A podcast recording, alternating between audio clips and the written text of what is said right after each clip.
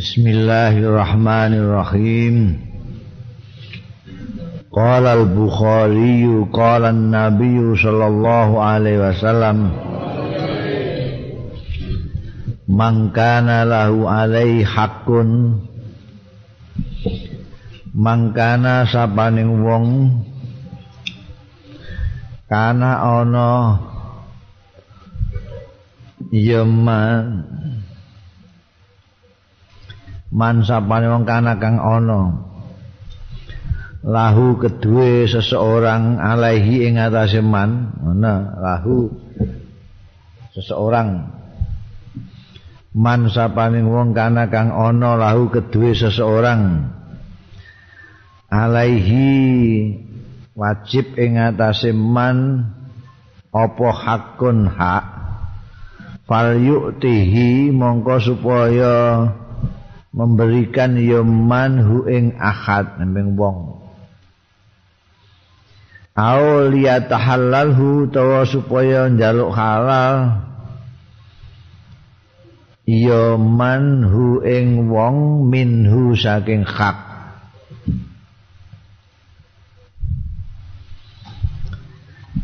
Nek kowe ndek tanggungan apa-apa ning seseorang kowe nggawa apane nggawa sandale ndang balekno iku wehno.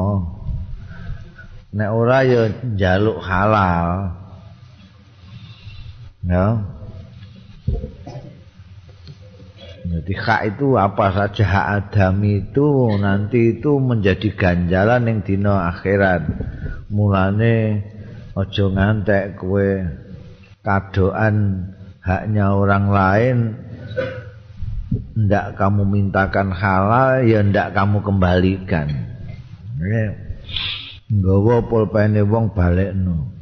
Nek kowe kemilian kepengin duwe pulpene kancamu ku ya kandhani kancamu ku tak peke ya. Halalno ya. Harus begitu carane. Mbok balekno utawa kowe njaluk halal. Bab nek ora hak adamiku terep tetap jadi tanggungan.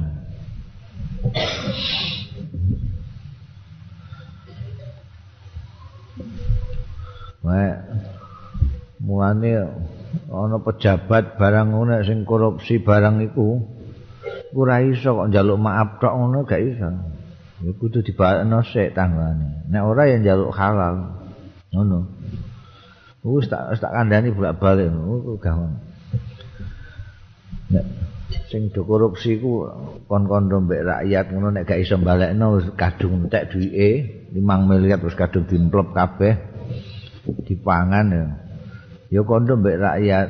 Wahai rakyat uangmu yang saya makan sudah habis. Halalkan ya ngono. Oh, oh. beres beres Gak iso maafkan toh gak iso. Itu hak Adam. Harus minta halal. An Ibnu Umar kala ngendika sapa Ibnu Umar kuna ana sapa kita ma'an Nabi sartane Kanjeng Nabi sallallahu alaihi wasallam. Bisa fare ning dalem lelungan wa kuntulan ana sapa ingsun iku ala Bakrin. Iku aku ana ning dhuwure unta anakan unta cilik sok bin sing angel angele ra karuan menggak menggok bedalan gak kan Wong pancene yang unta isih anakan. Pakolan Nabi nalika iku ya sine isih isih durung gedhe Ibnu Umar Abdullah bin Umar. Nah, numpake kok unta cilik, unta anakan. Pakola mau ngendika sapa Nabi Kanjeng Nabi sallallahu alaihi wasallam.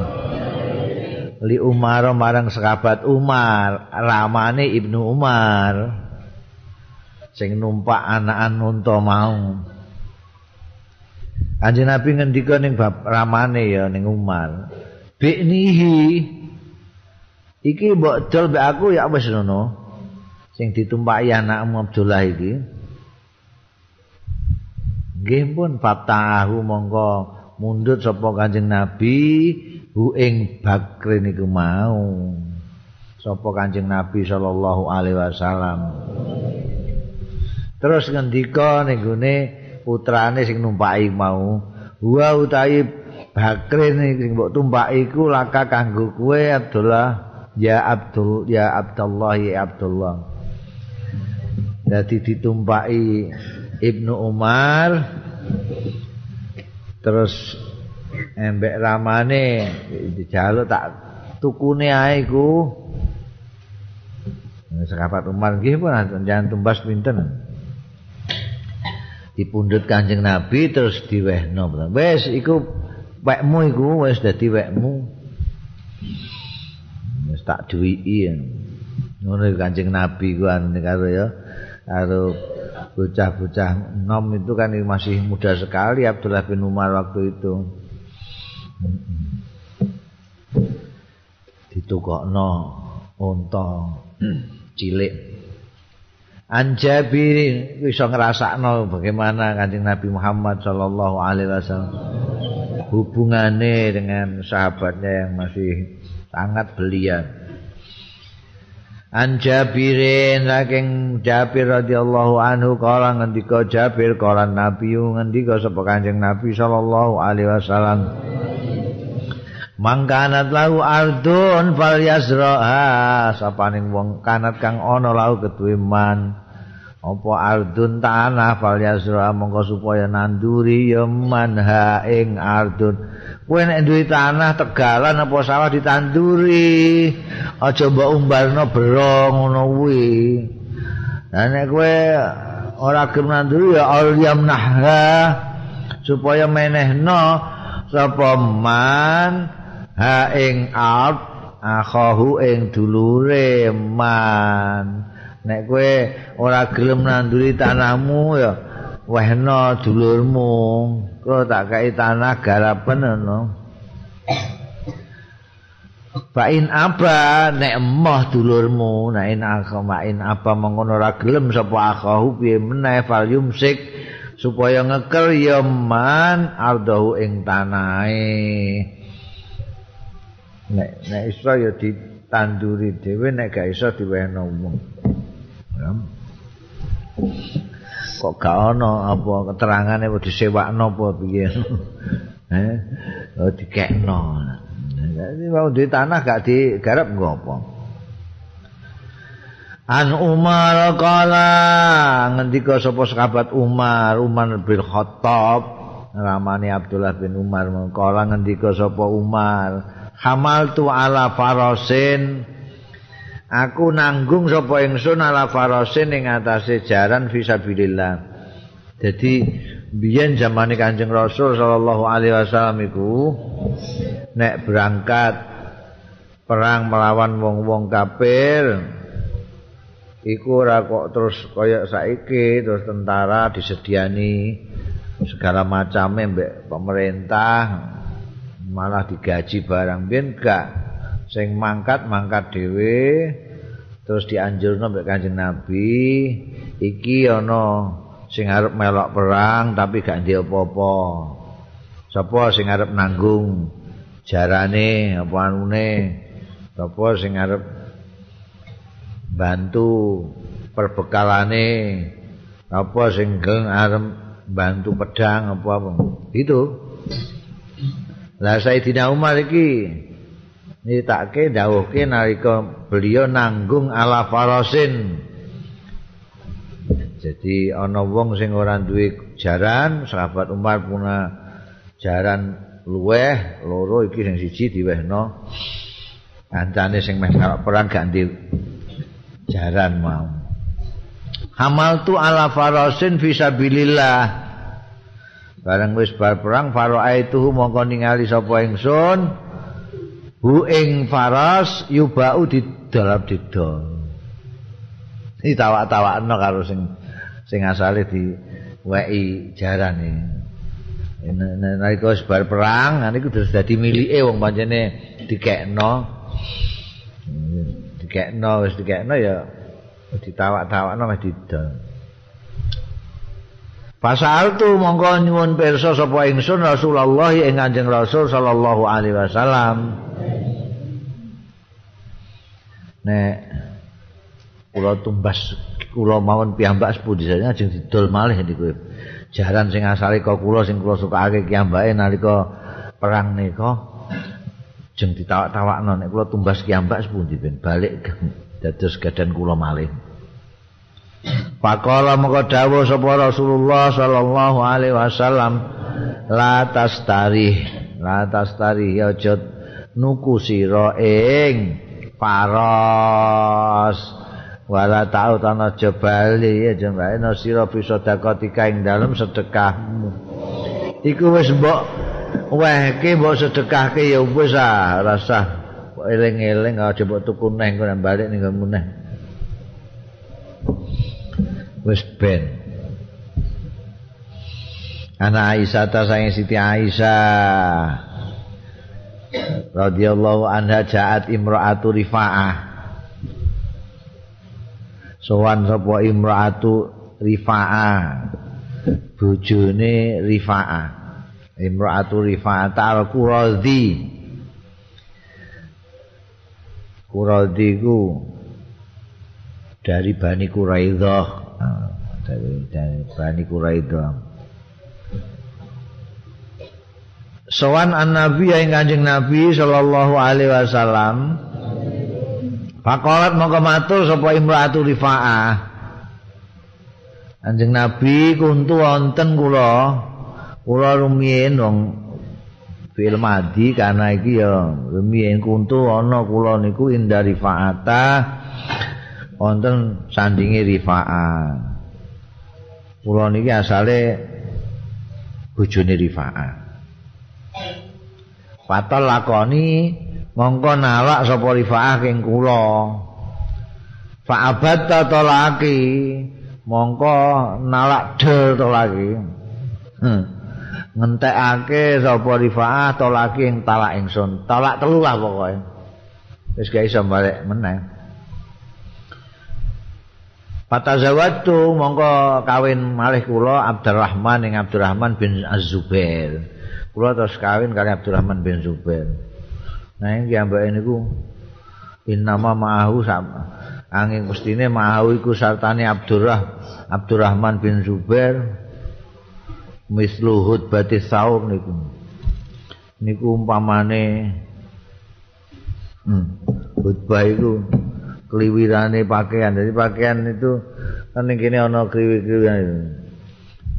Kene di rendo apik tapi sing kene ana sing kliwir-kliwir, kliwir-kliwir. Kayak kliwir-kliwire pakaian.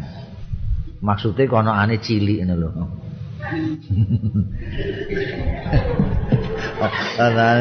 Kayak kliwir. Kalau kawin kali Abdurrahman tapi kliwir. Pakola moko dawuh sapa Kanjeng Nabi sallallahu alaihi wasallam. Aturidina antar ila rifaata. Ana ta kowe kepengin karep sira wadon antar ento bali sira wadon ila rifaata maring rifaah. Kowe apa kepengin balik neh mbek rifaah sing ora kliwir. La ora iso kata tazuki usai latahu. Gak iso ya wong kowe wis dipegat tok del telu ngono ora iso balik kowe ning gone rifaah. Hatta tazuki singgo ngicipi sira wadon usai latahu ing madune Abdurrahman. Wayadzukolan ngicipi sapa Abdurrahman usai lataki ing madumu. Kudu ngono dhisik carane supaya iso balik nen nek gak oleh.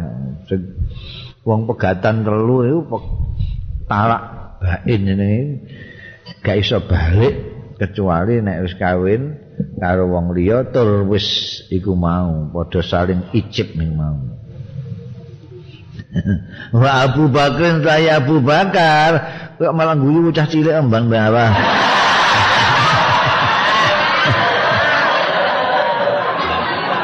Abu Bakar saya Abu Bakar. Sahabat Abu Bakar iku jalis. Ayo Imratu Rifa'ah iku lho ya. Ngomong ngono ning ngarsane Kanjeng Nabi, Mbak Abu Bakar hari utahe sahabat Abu Bakar. Iku jalisun pinara indawana ngarsane Kanjeng Nabi. Ono sahabat Abu Bakar bareng ora isin dadi ngomong ya Allah. Kanjeng Nabi ora isin mergo ilmu itu ya itu hukum itu kan ndak diterangno cetol gitu kan ya. Iku wae wis nganggo bahasane Kanjeng Nabi sing halus tazuki usailata. An Ibnu Abbasin. An Abi Abbasin nanging Abdullah bin Abbas. Kala ngendika sahabat Abdullah bin Abbas kala Nabi dawuh sapa Kanjeng Nabi sallallahu alaihi wasallam. Fi binti Hamzata tentang putrine Sayyidat Sayyidina Hamzah. sing nawani kan ngawin Kanjeng Nabi. Oh, rai salat takhiluli. Lho. Anake paman mboten salat takhilu ora halal li kanggo ingsun. Gak halal iku bintu Hamzah li kanggo ingsun. Ora soal dekne anake Hamzah, tapi yahrumu minar radha ma yahrumu minan nasab. Ora kena mergo sak pesusonan mbek Sayyidina Hamzah Sayyid Kanjeng Nabi iku. Dadi anu rodok iku isih ada hubungan yahrumu haram minar rodoi saking persusuan apa ma barang yahrumu sing haram minan nasab saking nasab tunggal susonan itu sama dengan tunggal nasab apa-apaan jadi kalau tunggal nasab nggak boleh dikawin tunggal rodok juga nggak boleh dikawin Iya, iya bintu Hamzah iku bintu akhi, iku anake dulur lanangku minaradhaati saking persusuan. Dadi ora halal kanggo aku. Ana Abi Musa saking sahabat Abi Musa Samia. Mireng sapa Abi Musa an Nabi ya saking sanjeng Nabi sallallahu alaihi wasallam. sami amireng sapa annabiyu Kanjeng Nabi sallallahu alaihi wasallam. Kanjeng Nabi mileng rajulan ing wong lanang yusni ingkang ngelem-ngelem ya rajul ala rajulin ing atahe wong liya wong lanang liya wa yutrihi lan banget-bangetake ya rajulan pertama. Ing rajulin iki ngguri fi madhihi ing dalem ngalembono rajulin Kanjeng Nabi mireng ana wong ngelem. Kancane wah entek ngamek pokoke trihi. Faqala mongko dawuh sapa Kanjeng Nabi. Ahlaktum. Wah kowe iki ngrusak dulurmu iki ahlaktum ngrusak sira. Au qata'tum au sakun minar rawi. Rawine ragu apa ahlaktum apa qata'tum maknane ngrusak nek halaktum nek kotaktum motong sira kabeh. Zahra rajuli ing gegere wong lanang sing mbok lem kuwi ya ngelem wong aja menemen gak oleh ngelem bab sing dilem iku kadang-kadang terus ndase gedhe. Ndase gedhe terus ndene rumangsa hebat. Uh, bisa membahayakan dirinya sendiri terus ujub ini iya tak pikir-pikir kok rumangsaku aku dhewe sing rumangsaku sing nganggep nek aku iki ganteng jebule kanca-kancaku ya ngarani aku ganteng ya jebule iku terus gemblelengan dene iku rusak ya ngelem ya ngelem ya dengan ngono ae aja agak-agak. Ana Abi Hurairah, kadang-kadang ana sing ngelem iku gayane kaya moyoki. Biasane wong tuwa nek ngelem anake iku ketoke kaya moyoki. Hmm. Nek anakku iku ya ya wah piye? Ora tau sinau tapi kok ya ranking satu terus. Jadi ketoke kaya moyoki tapi. Anake gemblelengan ini krungu. An Abi Hurairah ta ngendika sapa Abi Hurairah? Kala ngendika sapa sahabat Abu Hurairah kala Rasulullah. Dawuh sapa Kanjeng Rasul sallallahu alaihi wasallam. Salah satu ana wong telu layu kalimuh ora ngendikani ing salah sapa Allah Gusti Allah. Wala yanduran ora kersa mirsani Allah. Ilaihim marang salasa yaumal kiamat ana ing dina kiamat wala yuzakkihim lan ora bersihake sapa Allah ing ora nganggep bersih ora nganggep apik ora nganggep suci sapa Allah ing salasa walahum lan iku keduwe salasa azabun alim utahe siksa sing banget nglarakake. Naudzubillah sapa wong telu iku? Nomor siji rajulun ala fadli ma'in. Ana wong lanang ala fadli ma'in ing atase turah banyu bitorikin ana ing dalan.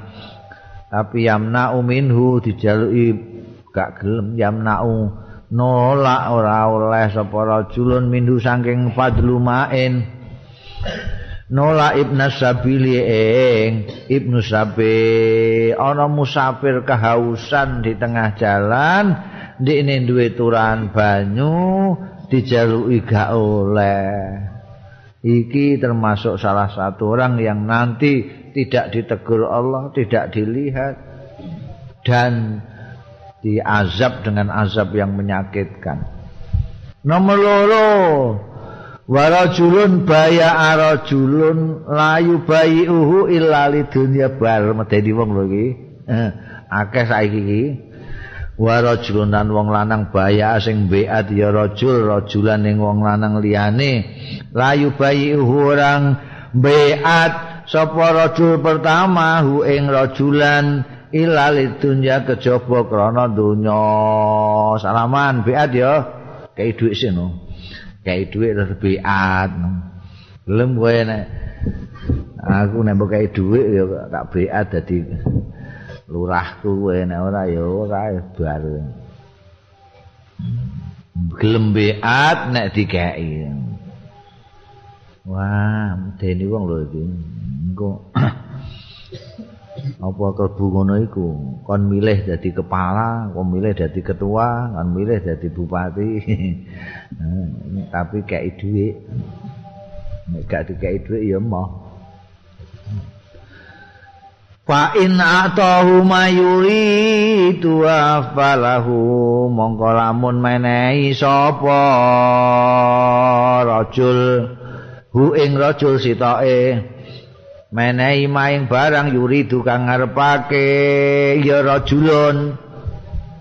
Wafa mongko nuhoni sapa rajul lahu marang rajulan. Dikne mbeat saya akan tetap setia kepadamu. Sam'an wa ta'atan. Kontrak politik istilah saiki. Kontrak politik nek tapi nek dikei duwe ndekne ya nuhoni kontrak itu. Tapi nek ora ora. Iki iki termasuk salah sah iku mau ya wa illa lamun ora menehi sapa rajul sing dibeat hu ing rajul sing beat lam yafi mongko ya ora nuhoni sapa sing beat lahu marang raja sing dibeat gelem taat gelem anu segala macam sesuai janjinya nek dikei dit nek ora ora. Iki nomor loro.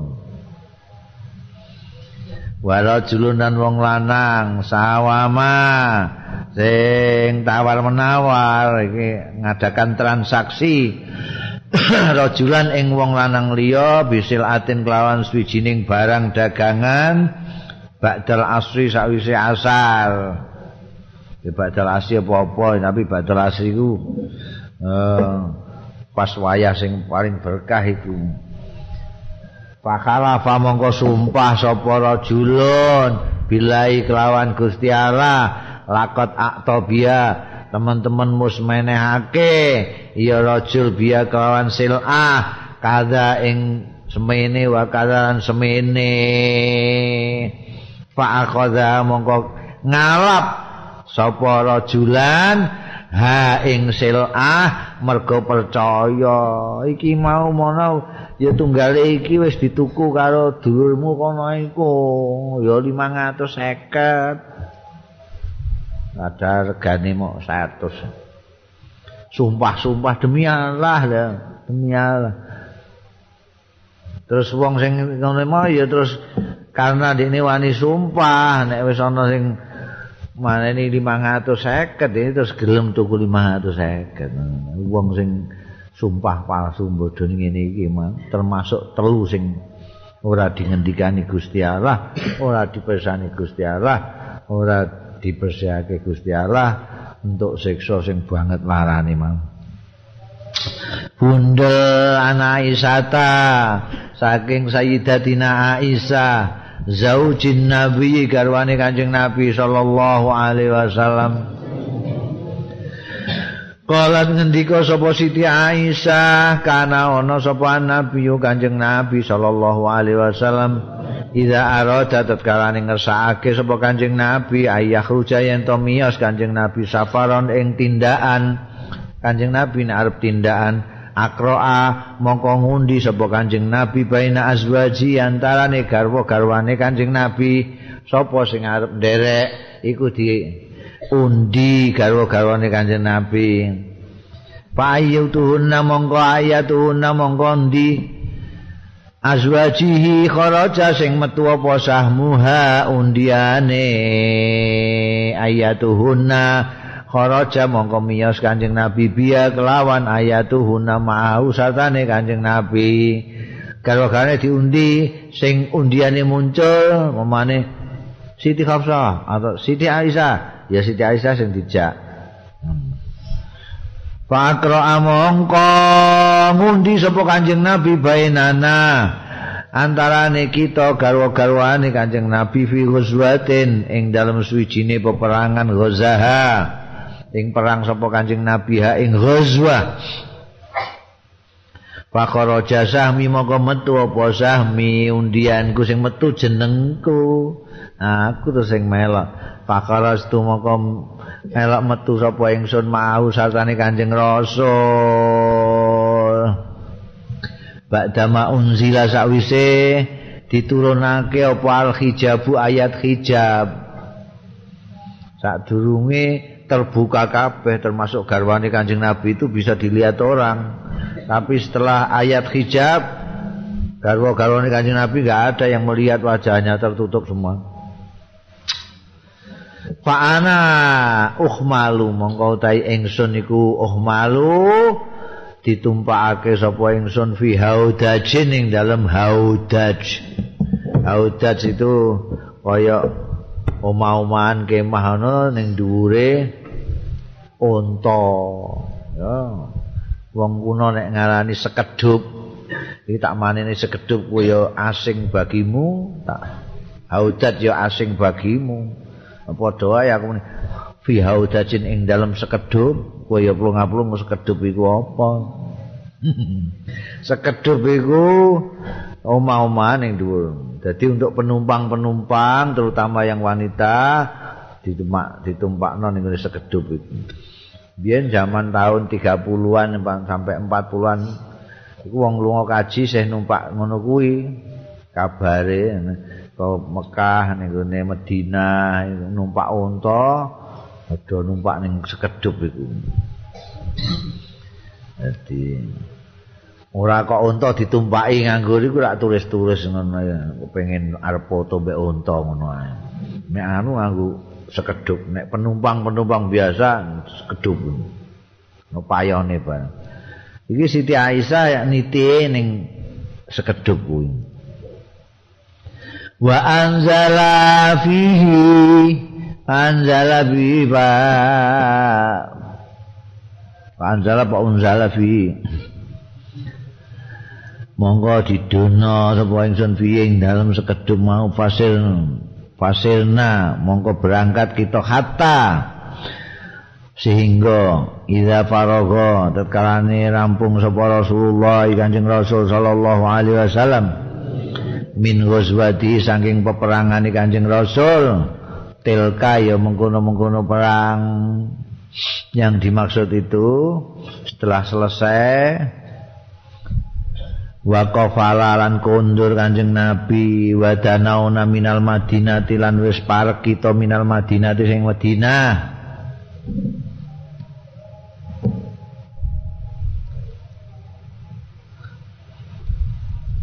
Azana lailatan birokil mongko ngumumno sapa Kanjeng Rasul lailatan ing dalam suatu malam birokhi berangkat. Berangkat berangkat Pakum tu mongko ngadeg sapa ingtung jumeneng sapa ingsun khina azanu.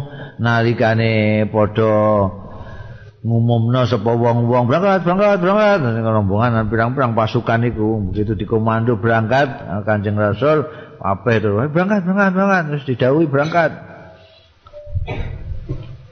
Ada nubiroki. Aku nalika iku ngejumeneng famasa itu mongko mlaku sapa ingsun kata jawastul jais sehingga ngliwati sapa ingsun al jaisa ing pasukan. Aku ana keperluan lah kok hajat aku. Falama kode itu sakni mongko bareng us menyelesaikan sapa ingsun sakni ing urusan ingsun. Aku uh, wis rampung kajatku akbal tu ilar rahli mongko aku ba madhep ilar rahli maring kendaraanku tumpakanku. Tapi durung tekan falamas tu sodri aku pas ngrayangi ngrayangi sapa ingsun sodri ing dadaku faizan ikdun li dumadaan kalung li keduwe ingsun min jaz'i azfarin. Jas'i azfarin utawa sing populer zifar iku zifar iku daerah ning gone Yaman. Daerah Yaman. Kalungku saka merjan zifar saka merjan azfar. Ning kene ya maca azfar ngono ae lah. Nek sing ning gone Yaman sing terkenal merjannya itu zifar. Kalungku saka merjan difar iku kok dingkota ah ternyata teman-teman putus apa anu mendel faro jatuh apa putus karo jatuh mongko aku bali nelusuri aku mau kondi Patamas tu mongko goleki sapa ingsun ikdi ing kalungku? Pakabasani mongko nahan ing ingsun apa ibtihu ibtighuhu goleki ikdi? Tertahan wong-wong wis do rame berangkat aku sing goleki karung fa akbala ladina yalhaluna mongko madhep sapa wong-wong yalhaluna sing budalake ya ladina bi kelawan ingsun. Dadi nek ontan-ontan sing nganggo sekedup isine wong wedok iku mesti ana sing nuntun dhewe ngono. Ambek yalil-yalil ana sing bagian ngunggahke sekedup sekedup itu iso diangkat iso diangkat nek wayahe apa jenenge istirahat mampir di mana gitu istirahat di mana didono sekedup itu dari punggungnya unta. Untane iso apa ngeramban ning ndi kenekane iso dinggo kemah-kemah sing numpaki gitu loh Nah iki orang-orang yang ngangkat ngedono sekedup iki wis madhep ning gone nggone untane mau sing dititi Sayyidatina Aisyah fa aqbal alladzina yarhaluna bi lawan ingsun fahtamalu mongko ngangkat ya alladzina haudaji ing sekedupku diangkat nah, di dosok kembali dipasang ning gone punggungnya unta. Farohaluhu mongko berangkatno ya aladina hu ing apa jenenge? Haudaji diangkat ning gone. Anu ala bairi dipasang ya eh, ala bairi ing atase unta ingsun ala dikuntu kang ana sapa ingsun iku alkabu numpak sapa ingsun.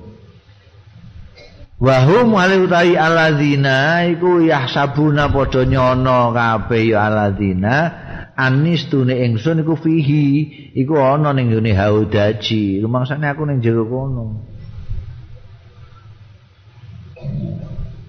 Gopo gak krasa kono. Wa kana nisa ulan ana apa nisa wong-wong wedok idza kanalika semono.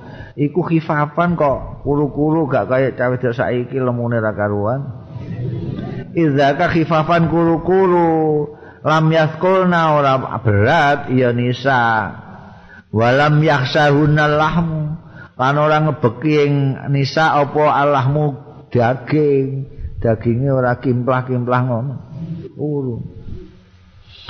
Kena apa wae nama yakulna lah wong angis pestine yakulna dahar ya nisa jaman niku al uklat al ulqata ing makanan sing sithik al ulqata iku sithik cimik-cimik ngono lho minato ami saking makanan itu-itu mangane sithik mbiyen Palas, palam yastangkil mongko ora Angkling ya tangkil apa al kaumu kaum tegese antarane ana isine mbek ora ana isine barang itu tidak ngah itu loh.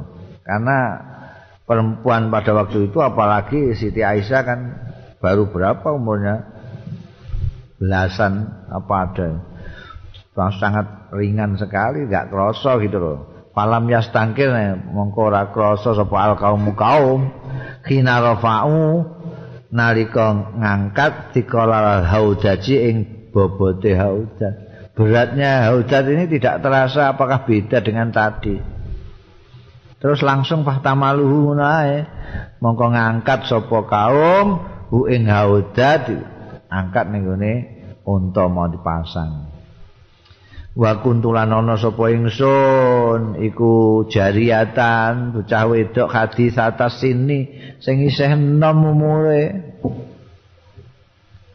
Fabasu mongko ngrigahake sapa kaum mau al jamala ing untane ngono terus ngadeg dhewe unta iku.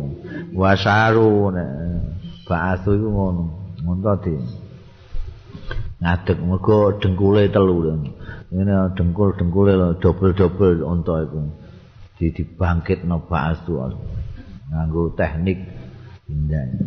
Wasaru lan berangkat ya kaum. Bareng mereka sudah berangkat bawa jatuh mongko nemu sapa ingsun ikdi ing kalungku lagi ketemu kalungku Ba'da mas tamarra sakwise ento berangkat sapa aljaisu pasukan Pajik tu mongko nekani sapa ingsun manzilahum ing tempat pemberhentiane jes mau. Walai safihi lan ora ana fihi ing dalem manzilahum sapa akadun wong suwiji. Bengi-bengi kok gak wedi ya Ti Aisyah. Padahal je belasan tahun hadis sini balik sepi nyenyet gak ana sapa-sapa.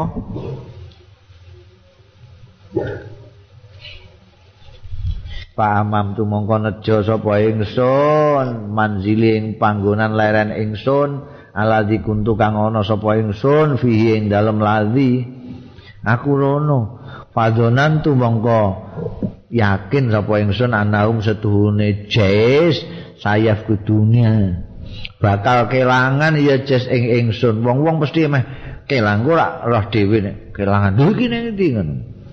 Nek mongso kelangan rak fayar jiuna. Ora do balik sapa jes kuwendele di Aisyah dadi mesti do balik ilaya marang ingsun.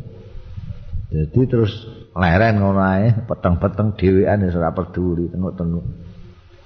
Papaina ana jalisa nalikane utahe ingsun iku jali satun pinara bola batni nglindhe ing ingsun apa ainaya netra kalih ingsun fanimtu monggo sare sapa ingsun. Iso keturun bayangno bayangno wedok saiki wirab-wirab ndak karuan mesti panik. Rombongane wis berangkat. Ya. rombongane wis berangkat kabeh tengah wengi ora-ora kok kok iso ngantek sehari berarti tenang banget kuwi malah ya kok sempat sare nah wedok kene iso histeris iku. Ngerti nek rombongane berangkat. Wa kana safwan lan ana sapa safwan seorang sahabat besar. Sahabat yang baik sekali. Sofwan ibnul Mu'attal As-Sulami.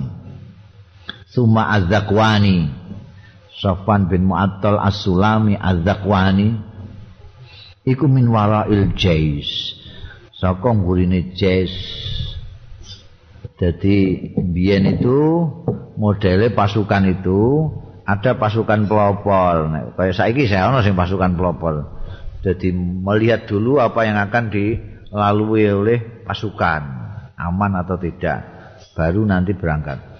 Tapi ada juga yang ditinggal. Jadi nek pasukan ini berhenti istirahat di suatu tempat, nanti berangkat, nanti ada kebalikannya pelopor orang yang apa namanya yang meneliti apakah ono barang-barang sing keri atau ono segala macam itu ono. Pada waktu itu yang bertugas untuk itu Sofwan bin Mu'attal ini.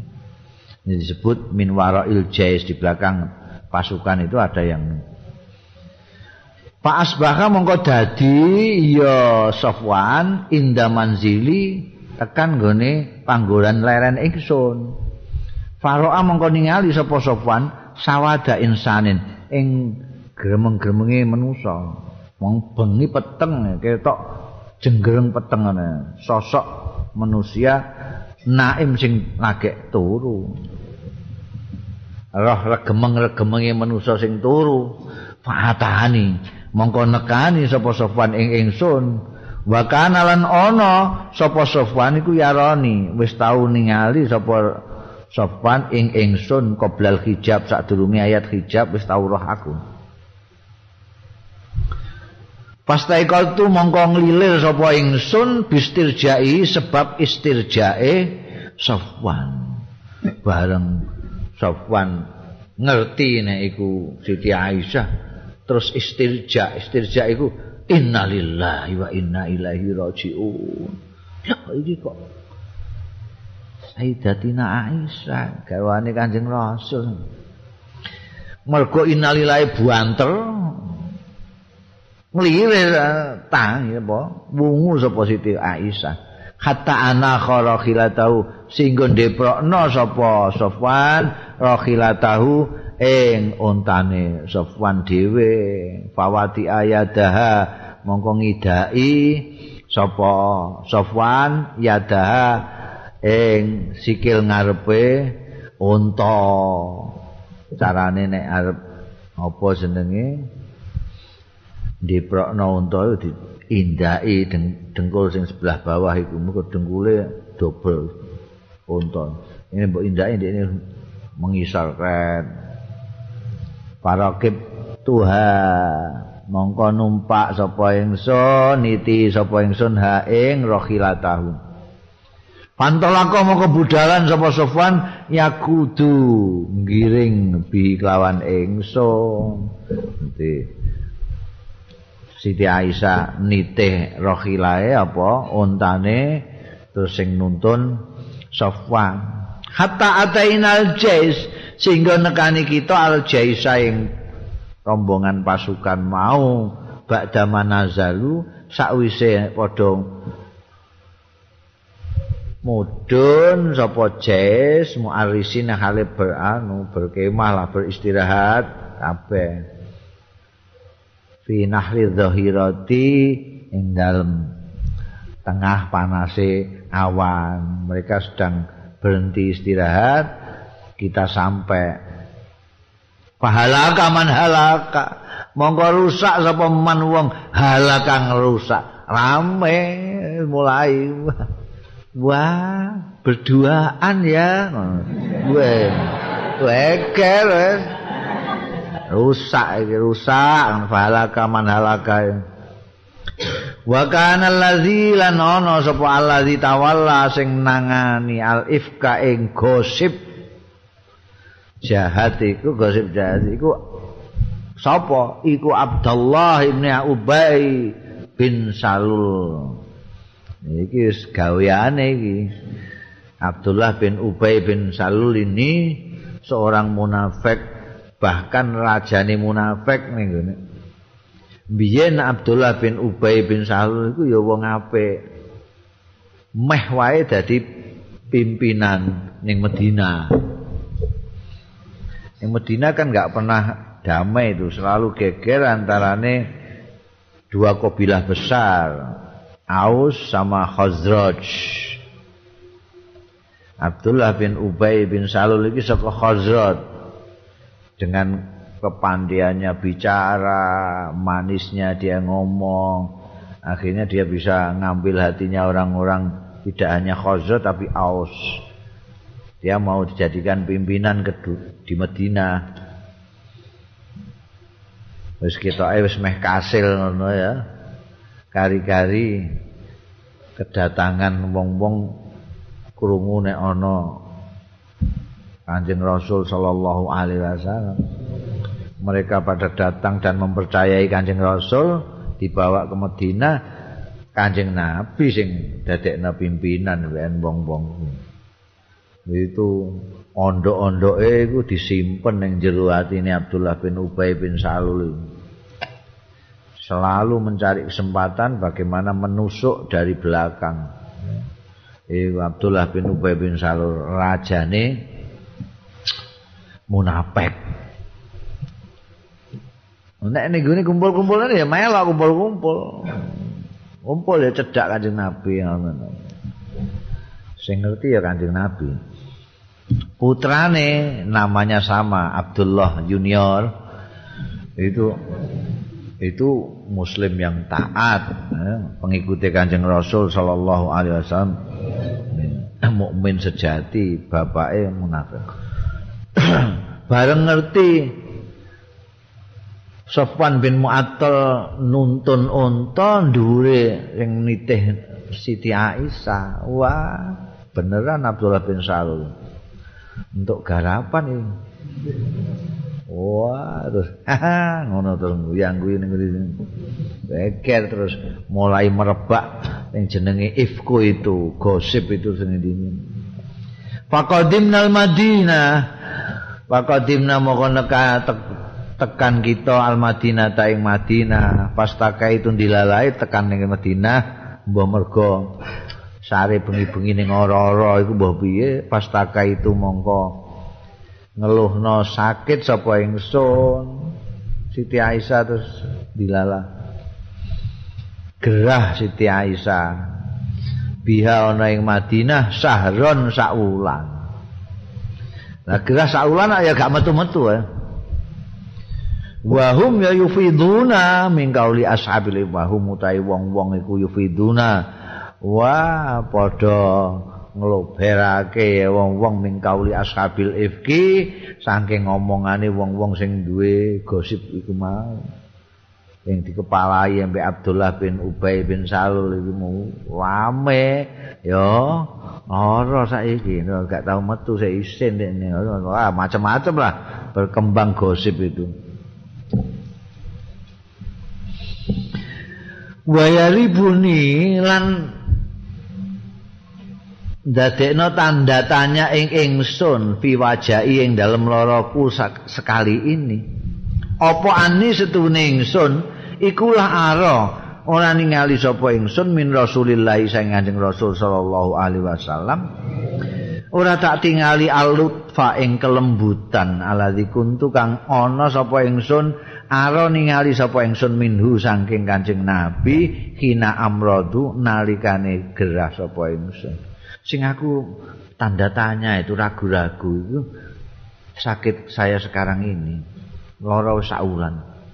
Kok aku kok enggak menjumpai kelembutannya Kanjeng Rasul seperti biasa. Biasanya aku lara sithik ngono Kanjeng Nabi, Masya Allah. Aku didemek-demek batukku ditakoki piye rasane. tak piturute iki kok ora ada apa? Iki rada curiga juga iki. Kok sekarang kok enggak ada kelembutan itu? Lha piye? Wa innama yadkhulu angin pestine ya melebet sama kanjeng nabi. Payu salimu mongko salam kanjeng nabi assalamualaikum tumayakulu mongko ngendika kanjeng nabi. Kaifatikum. Piye? Kowe? Ngono tok ae kaifatikum. Piye awakmu? Biasane wah ya pijeti barang iki kok mau ngono tok ae. Asalamualaikum piye? Awakmu? Wis liwat ngono tok ae ketok krasa. Tidak seperti biasanya. Wala asulu tapi aku durung krasa. Wala asulu an ora krasa sapa ingsun bisain kelawan apa-apa. Mindalika sing mengkono mau. Hatta nakih tu. Sehingga rada dangan sapa ingsun. Sehingga ketika dangan wis gangan sapa ingsun fakharat tu mongko metu sapa ingsun ana ya ingsun. Wa umum mistahin lan umum mistah mboke mistah mistah itu seorang sahabat ya. Eh aku metu ambek anu mistah kibalal manasik. Neng menuju ke manasik itu manasik itu panggonan di luar kota Madinah apa manase iku?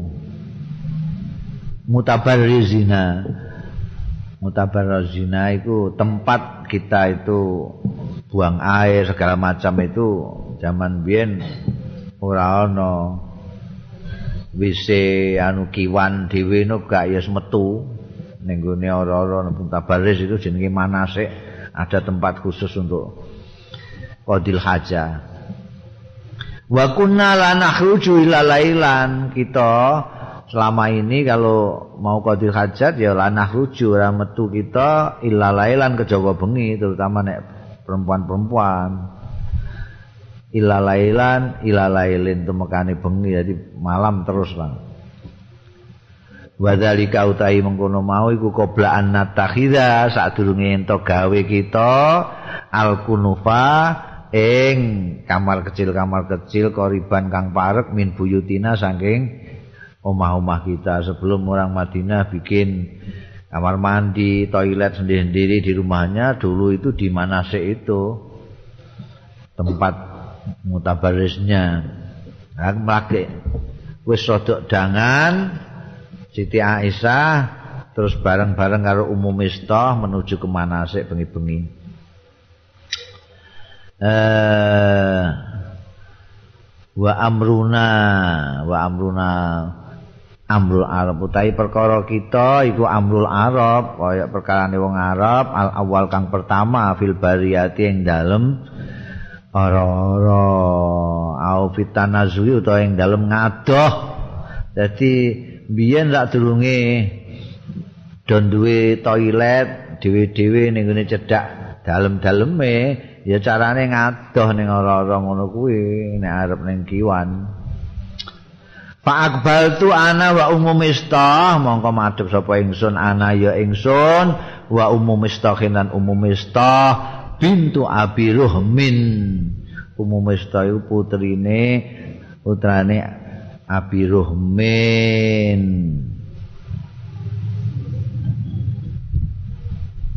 jenenge dhewe iku umum mistah iku mbok mistah mergo mboke mistah. Asmane dhewe Salma umum mistah kuwi Salma binti Abi Ruhmin ana wa umum mistah namsi mlaku kita fa'asarat fa'asarat mongko keserimpet sapa umum mistah fi mirtiha ing dalem Cara kene ya jari ya, jari. Ini pakaian pakaiannya itu on kesripet gaunnya akeane umumista kesripet pakolat mongko muni sapa umumista tak isa mista tak isa mista mergo anu apa jenenge? Latah. Keserimpet iku nek ana keserimpet sing eh jaran. Ana sing ngono. Eh lha iki kok terus bae keserimpet tak isa mestah cilaka mestah padahal mestah iki anake. Lah aku terus fakultu iki dawuh Siti Aisyah fakultu aku terus ngendikan lah maring umum mestah bisa makulti kok elek temenan ucapanmu kulti ngucap sampean. Atasubina rajulan misui jenengan maksudna sampean rajulane wong lanang syahida badron. Sing nyekseni iya rajul badron ing badar. Mistah iku melok ning perang badar. Kanjeng Nabi menghormati orang-orang yang ikut perang badar. Sampai ndadekno wong-wong sing ora melok perang badar iku do meri. Mulane nyurung-nyurung perang Uhud. Niku gara-gara itu. Kok dibangga-banggakno kanjeng Nabi ini asabat janji melok nyakseni badar nah iki ya ngono Siti Aisyah lho sampeyan iki piye? Misuwi wong lanang sing melok perang badar lho mistah kuwi Pakolat mongko matur sapa umum mista ya hanta induk nduk. Ya hanta iku nduk ya cara kene alam tasmai napa sampean mboten mireng nduk? Makalu ing barang sing padha nyatur wong-wong niku. Lho apa mbok? Wong-wong do ngomong apa? Gak ngono sak wulan gerah ngerti Pak Akbarot ni mongko ngabari sapa umum istani ing ingsun bikaulil ifki kelawan ucapan gosip yang sedang rame di Medina. Pas datu gak situ mari aku. Pas datu mongko tambah-tambah sapa ingsun apane marodon larani la marodi marang loroku. Loroku ketambahan loro anyar. Jebule nek ngono ya Kanjeng Nabi kaku tidak lembut lagi itu ya iki mesti pengaruh dari gosip iki. Insyaallah. Loroku tambah. Palam malo jatuh bareng kondur sapa ingsun ila baiti maring dalemku dakhala alayya. Mlebet alayya ing atase ingsun sapa Rasulullah Kanjeng Rasul sallallahu alaihi wasallam Pasal lama monggo kaya biasane diingi uluk salam sapa Kanjeng Rasul, faqala monggo ngendika Kanjeng Rasul, "Kaifatikum?" Piye awakmu? Fakultu mongko matur saiki sing ngerti aku, fakultu mongko matur sapa ingsun. Idzan li. Kula turingi zini panjenengan li dateng kula. Ila abawaya wangsul datang tiang sepuh kalih kula. Pulangkan aku. Ila abawan kula nyuwun izin wangsul dan tiang sepuh kalih kula. Kolat ngendika Siti Aisyah wa ana utai ingsun khina izin nalika iku aku njaluk bali ning wong tuwa loroku iku soalé uridu an astait uridu an astaigina aku kepengin ento yakinake al khabar ing khabar mingki balihima saka arahe wong tuwa loro ku dhewe. Ora lagi saka mimistah iya nek iya nek ora. Aku ameh konfirmasi ngecek ning gone wong tuaku loro. Fa azina mongko ngizini. Limarang ingsun sapa Rasulullah Kanjeng Rasul sallallahu alaihi wasallam. Dilalah aku diizini Kanjeng Nabi. Ya sah Fa'ata itu monggo nekani sapa ingsun abawaya ing wong tuwa loroku sekabat Abu Bakar. Bapake. Fakultu mongko matur sapa ingsun li ummi marang mbokku, marang ibuku. Ma ya tahaddasu binnas niku napa, Bu? Ya tahaddasu sing nyatur membicarakan bihi kelawan mas apa anasu tiang-tiang. Tiang-tiang niku ngomong napa Bu? Pakola mongko dawuh sapa ummi. Ibuku jawab dawuh ya binti he anakku wedok hawini tenang-tenang kowe he. Hawini ala nafsiki. Tenanglah ngatasi awakmu wedok ya. Hawini ala nafsika asakna ing urusan iki urusan ora sambok gawe serius ya tenang tak wis.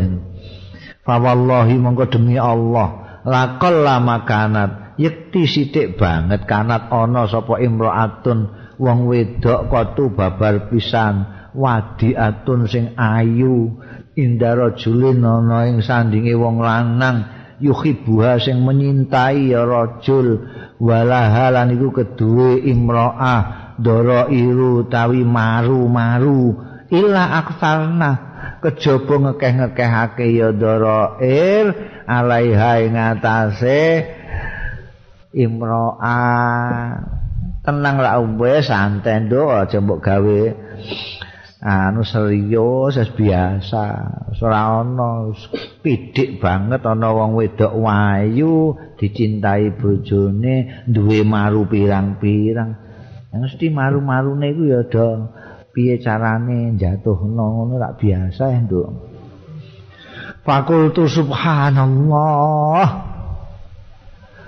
Walakot ya tahaddatuna Jadi pancen saestu.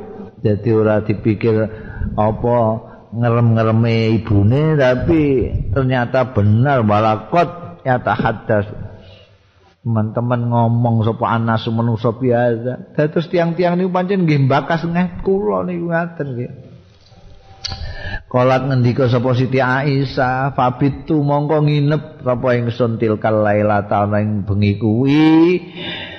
hatta asbahtu sehingga isu-isuan sapa ingsun layar fa'li damun ora pegot li kedue ingsun apa damun air mata air mataku tak putus-putus sampai pagi. Wala aktahilu binaumin. Lan ora celaan sapa ingsun binaumin kelawan turu. Blas didulit sithik turu. Iktihal itu asalnya kan celaan cilik artinya turu sak dulit ini gak belas gak tuh gak mandek nangis gak sare. Nah, bayang no itu darwani kanjeng nabi digosip no karo anak buah yuk Suma asbah tu mongko isu-isuan sapa ingsun. Bada'a mongko nimbali sapa Rasulullah Kanjeng Rasul sallallahu alaihi wasallam. Ali bin Abi Thalib ing Sayyidina Ali bin Abi Thalib. wa Usama bin Zaidin lan Usama bin Zaid. Ini orang-orang dekatnya kan, Kanjeng Rasul sejak awal itu. Karena Sayyidina Ali ini putranya pamannya yang ikut Kanjeng Nabi sejak kecil. Usama juga gitu. Dipanggil Khinastal bata al wahyu nalikane. Gak teko-teko apa al wahyu wahyu talbasa itu rendet. Ora ana wahyu-wahyu sudah sebulan lebih. Sebulan lebih gosip tambah santer angger Kanjeng Nabi mireng ana wong gosipno garwane bayangno kuwi. Dadi terus ditimbali Sayyidina Ali kalau Usama. Yastasiruhuma rembukan sapa Kanjeng Nabi njaluk rembuk Kanjeng Nabi huma ing Ali lan Usama. Fi firaqi ahli ing dalem misai bojone garwane Kanjeng Nabi piye nek tak pisah iku piye? Dadi timbangane rame diramekno ngene Pak Amma Usama tu ana dene Usama Pak Asyara alaihi mongko menehi pendapat sapa Usama alaihi ing atase Kanjeng Nabi bila dia lamu fi nafsi kelawan perkara yak lamu sing ngerti sing pirsa sapa Usama fi nafsi ing dalem awak dhewe ning Usama. Eh. fi nafsi ing dalem awak dhewe ning Usama. Minal wudi saking cinta lahu marang keluargane Kanjeng Nabi. Ahli. Faqala mengko dawuh sapa Usama. Usama jawabannya seperti apa yang dia ketahui tentang bagaimana cintanya Kanjeng Rasul kepada keluarganya. Pakola Usama tu mongkong matur sapa Usama bin Zaid ahluka ya Rasulullah. Menika ahli panjenengan. Garwa panjenengan ya Rasulullah. Wala na'lamu lan boten ngertos kula wallahi demi Allah illa khairan kejawi sae. Wong ahli jenengan kok badhe macem-macem kados sing dikon gosipaken boten mungkin. Wa amma aliyun ana dene Sayyidina Ali faqala mongko ngendika Sayyidina Ali. Ya Rasulullah duh Kanjeng Rasul lam yudayyikillah mboten ngrupekake sapa Allah Gusti Allah alaika ing ngatasi panjenengan. Wanisa utayo wedok-wedok siwaha. Liyane Siti Aisyah kafir kathah. Ngoten mawon kok jenengan damel rupek niku napa? Dunia tidak selebar godhong kelor ngono was alil jariyah kula aturi jenengan anu mawon ngecek. Dangu jenengan al jariyata eh jariyah niku bocah Aisyah niku Siti Aisyah niku jariyah bocah wedok Siti Aisyah. Tasdukka mongko benerake ya jariyah ing jenengan Sayyidina Ali nyaran Kanjeng Nabi kon tanya saja kepada orangnya Siti Aisyah ana jariyahe Siti Aisyah jenenge Barira Pada Rasulullah mongko nimbali sapa Kanjeng Rasul sallallahu alaihi wasallam barira ta ing barira. Faqala mongko dawuh Kanjeng Rasul, "Ya barira tu, he nduk barira, hal raaiti fiha ana ta ningali sira fiha ing dalem Aisyah saean ing suwi-wiji yuri buki sing meragukan ya seki ing sira." Kowe apa akhir-akhir ini melihat ada yang mencurigakan pada anu Siti Aisyah ibu Siti Aisyah.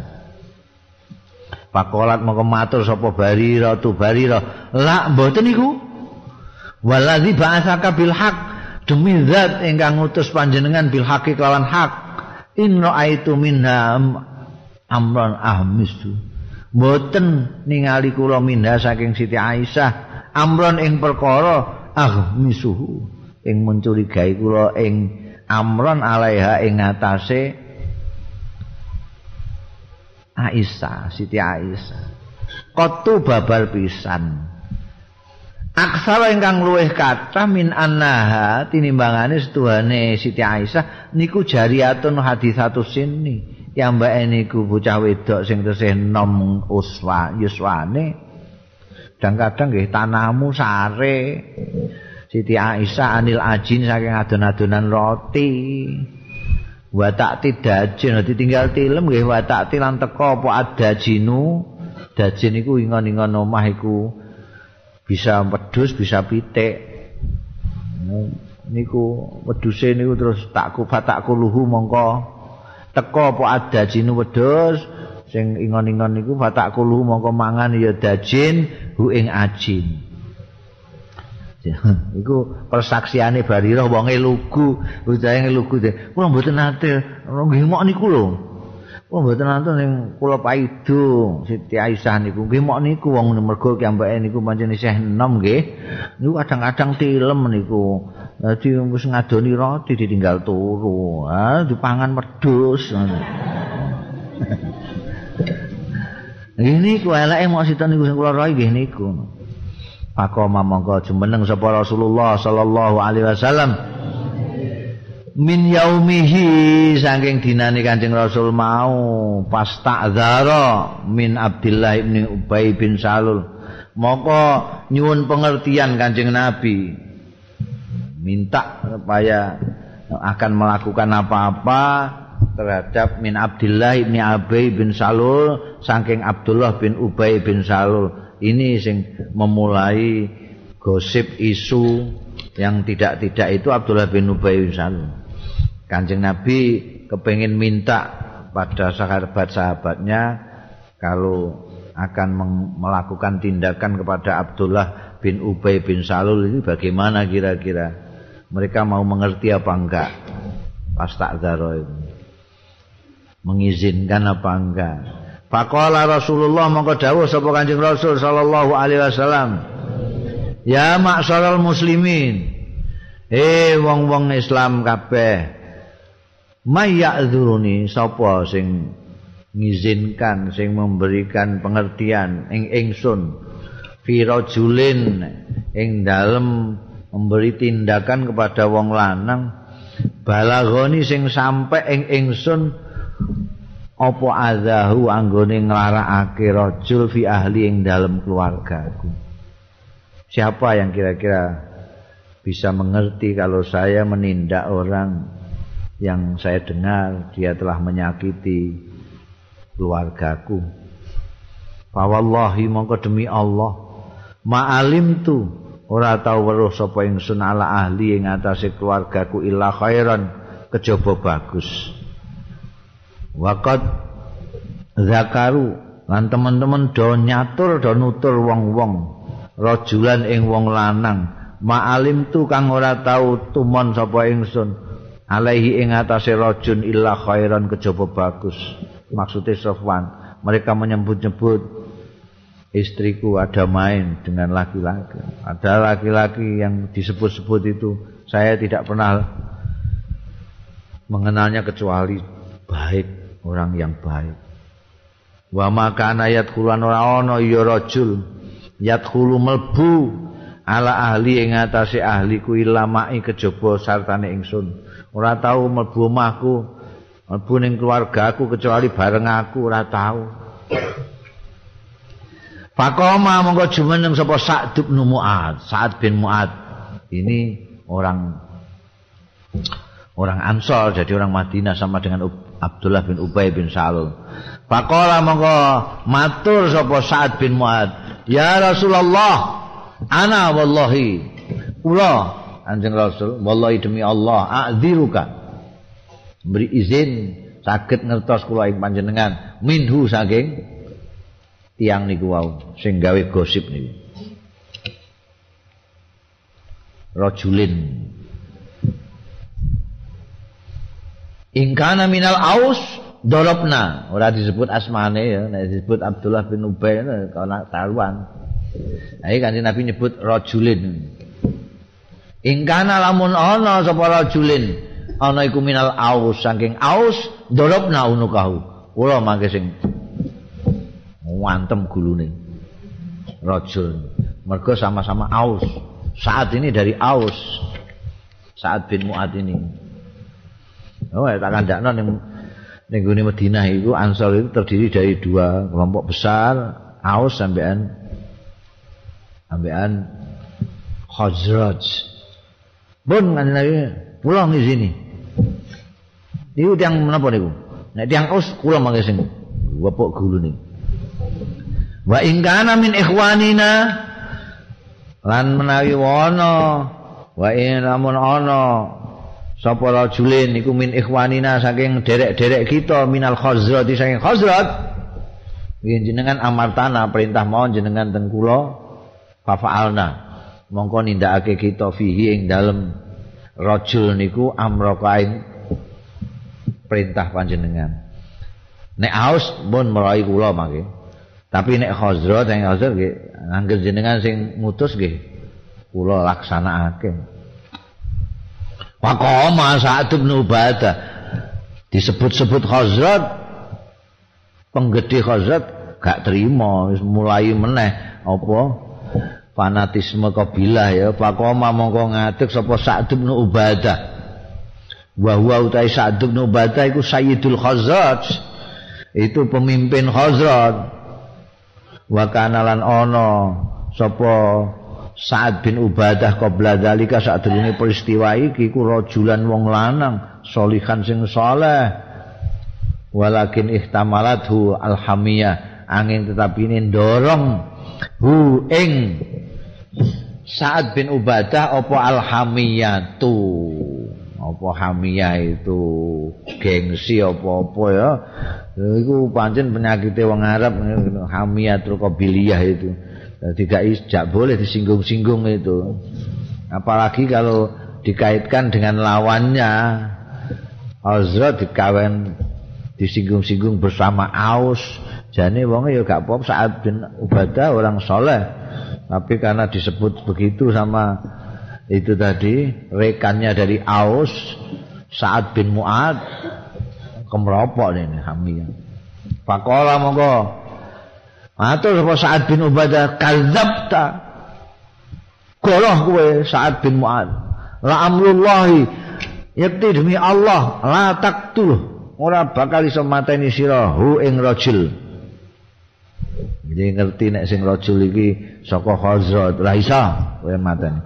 Wala takdiru ala zalik lan ora mampu sira ala zalika ing atase mengkono-mengkono mateni rajul. Faqama Usaid. Monggo jemeneng sapa Usaid. Usaid ngadeg ganti Usaid. Iki juga tokoh besar juga dari Ansor. Faqama Usaid bin Khudair. Faqala ngendika sapa Usaid bin Khudair, "Kadzabta, kowe goroh Sa'ad bin Ma'ubadah." Iki bantah Sa'ad bin Ubadah ganti. La amrullah demi. Demi Allah, la amrullah demi kekuasaan Allah. Wallahi demi Allah lanak tulannahu yakti bakal mateni temenan ingsun ing rajul kuwi. Fa innaka munafik. Setune sira iku munafik wong munafik kowe bilani wong munafik. Tujadilu anil munafikin.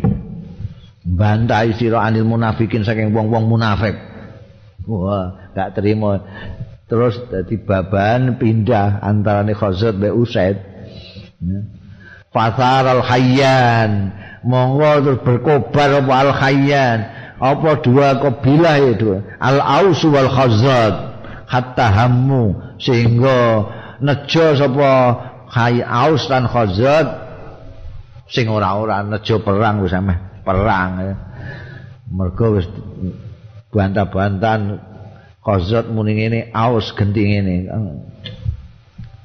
Wa Rasulullah alaihi utai Kanjeng Rasul sallallahu alaihi wasallam padahal Kanjeng Rasul isih alal mimbar, ada di atas mimbar, wong-wong Khazraj karo Aus wis mulai perang padha emosi ini. Panazala mongko mandap sapa Kanjeng Rasul fakhafadahu mongko ngleremake ya Kanjeng Rasul ing Aus lan Khazraj. Wis wis wis wis hatta sakanu. Sakatu apa sakatu? Nek sakatu iku kendel meneng ora geneman kabeh. Nek sakanu dadi anteng kabeh. Hatta sakatu padha meneng kabeh. Wis wis wis wa sakatalan kendel Kanjeng Nabi Sementara aku sendiri wabak Siti Aisyah wabak itu. Lan nangis sapa ingsun yaumi ing dina kuwi dinaku layar fa'li damun. Ora pegot li keduwe ingsun apa damun air mata. Wala aktakhiru lan ora wis berapa malam ini? Wala aktakhiru lan ora celaan sapa ingsun binaumin kelawan sare Pas baka indi monggo isu-isuan indi ana sanding ingsun sapa bawa ya bapak ibuku. Kot baka itu lailata ini teman-teman nangis sapa ingsun lailata ini ing dua malam wa yauman lan sedina. Kata azunu sehingga nyono sapa ingsun anal buka setuhune tangisan. Iku fal iku kabdi iku nyopot kabdi ing atiku. Sangking nangis kok dua malam satu hari. Tidak berhenti. Kolat ngendika sapa Siti Aisyah fa baina huma jalisani. Ditunggoni karo sapa tahu bakal lan garwane. Fa baina lah Siti Aisyah baru berumur berapa sih? Fa baina huma jalisani. Apa nama nalikane huma utawi abawa ya iku jalisani pinarak karone indi ana sanding ingsun. Wa ana kale utawi ingsun iku abki nangis sapa ingsun. Il istadzanat imraatun minal ansar. Dumadaan jaluk izin kula nuwun sapa imraatun wong wedok minal ansar saking ansar. Fa'adzin tulaha mongko ngidini sapa ingsun laha maring imraatun minal ansar. Fajalasat mongko lungguh sapa imraatun minal ansar. Tapki melok nangis sapa imraatun maisatane ingsun. Dadi kula nuwun niku mak pengen roh terus melok nangis. Roh. Sebabnya netrane Siti Aisyah dua malam satu hari Pabaina ma pabaina nahnu lan nalikane utahi kita iku kadzalika kaya mengkono mau aku nangis wong wedok kan iki nangis ditunggoni bapak ibuku. Dadak idzakhala dumadaan mlebet sapa Rasulullah Kanjeng Rasul sallallahu alaihi wasallam. Fajalasa moko pinarak sapa Kanjeng Nabi. Walam yajis lan ora tahu pinarak Kanjeng Nabi indi ana sanding ingsun min yaumi kila fiya. Sejak dina diomongake fiya tentang ingsun apa ma barang kila kang diucapake qabla sadurunge. Sadurunge ra tahu Kanjeng Nabi kok pinarak jejeri aku sejak mulai aku dibicarakan digosipkan orang Wakat maka la yuka ilaihi. Lan teman-teman kendel kanjeng Rasul sallallahu alaihi wasallam sahron saulan la yuka ora diwahyoni apa ilahi kanjeng Rasul fisakni ora diturunake wahyu ilahi marang kanjeng Nabi fisakni tentang perkaraku apa saya un suwi-wiji sebulan dilalai kok gak ada wahyu. Biasanya ono masalah-masalah ngono terus wahyu tumurun bar wis rampung. Nah iki ngantek saulan gue gere kayak ngono kok gak ono wahyu blas. Qalat fatasahada dawuh sapa Siti Aisyah fatasahada mongko syahadat sapa Kanjeng Rasul asyhadu alla ilaha illallah syahadu Rasulullah. Summa qala moko keri-keri dawuh sapa Kanjeng Rasul sallallahu alaihi wasallam. Ya Aisyah tu, he Aisyah amma ba'du sawise aku sadat fa innahu mongko kelakuan balaghani angka wis sampe ning ni ingsun angka tentang angki tentang siramu apa kaza wa kaza saya dengar tentang dirimu begini begini begini. Balagoni itu saya dengar tentang kamu begini begini begini. Fa ing kunti mongko lamun ana sira ana iku bariatan lebaran tidak bersalah. Pas fasayu bariukallah la bariuki mongko bakal bebasake ing sira sapa Allah Gusti Allah. Nek kowe pancen ora bersalah, Allah akan menentukan kau tidak bersalah. Wa ing kunti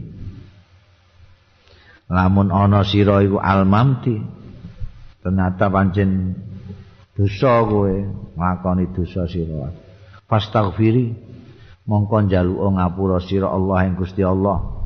Wa tubi lan tobat sira ilahi marang Gusti Allah fa innal abda mongko stune kawula.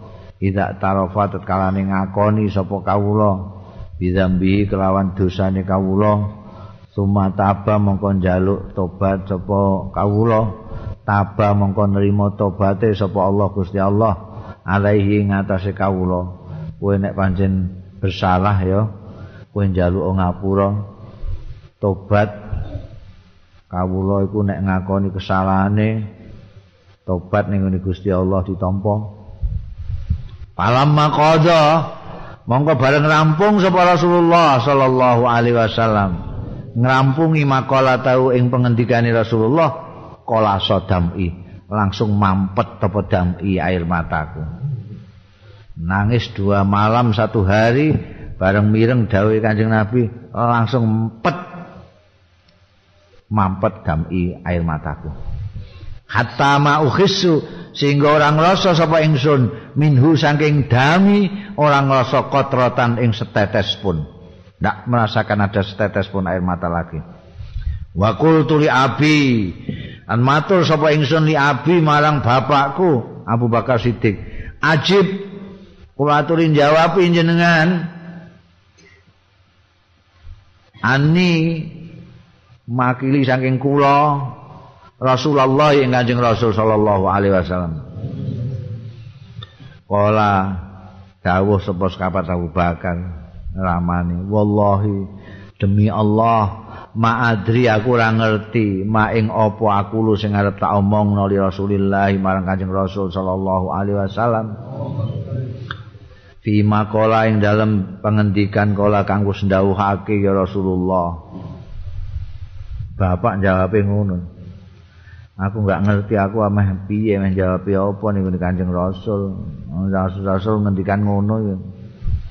Fakultu mongko matur sapa ingsun li ummi maring ibuku ajibi jenengan Bu jawab ani makili kula saking kula Rasulullah ing Kanjeng Rasul sallallahu alaihi wasallam Bima ing dalam barang kala ingkang ngendikan Kanjeng Rasul.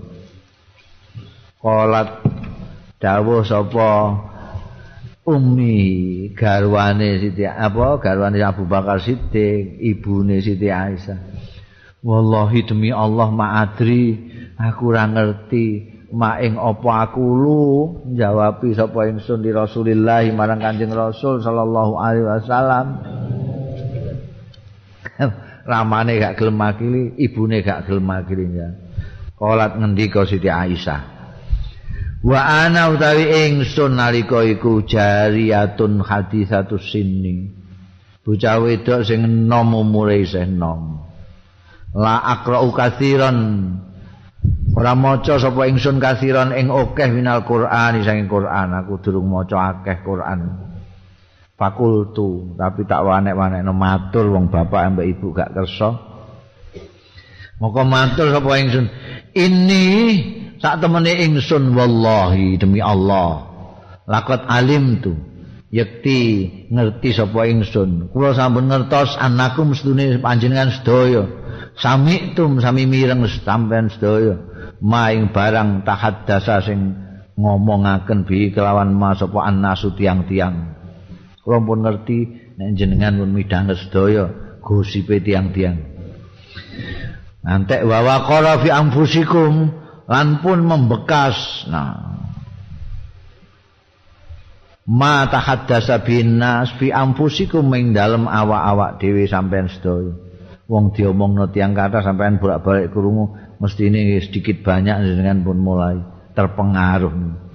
Wa saddaqtum lan benerake jenengan sedaya bi kelawan ma tahaddasa binnas. Wala ing kultu lan nyekti lamun matur kula lakum dateng panjenengan sedaya ini sedune kula niku bariatun tidak berdosa. Lebaran mboten mboten berdosa. Wallahu ta Gusti Allah ya'lamu inggih pirsa ini sak temene kula labari atun nyekti mboten berdosa.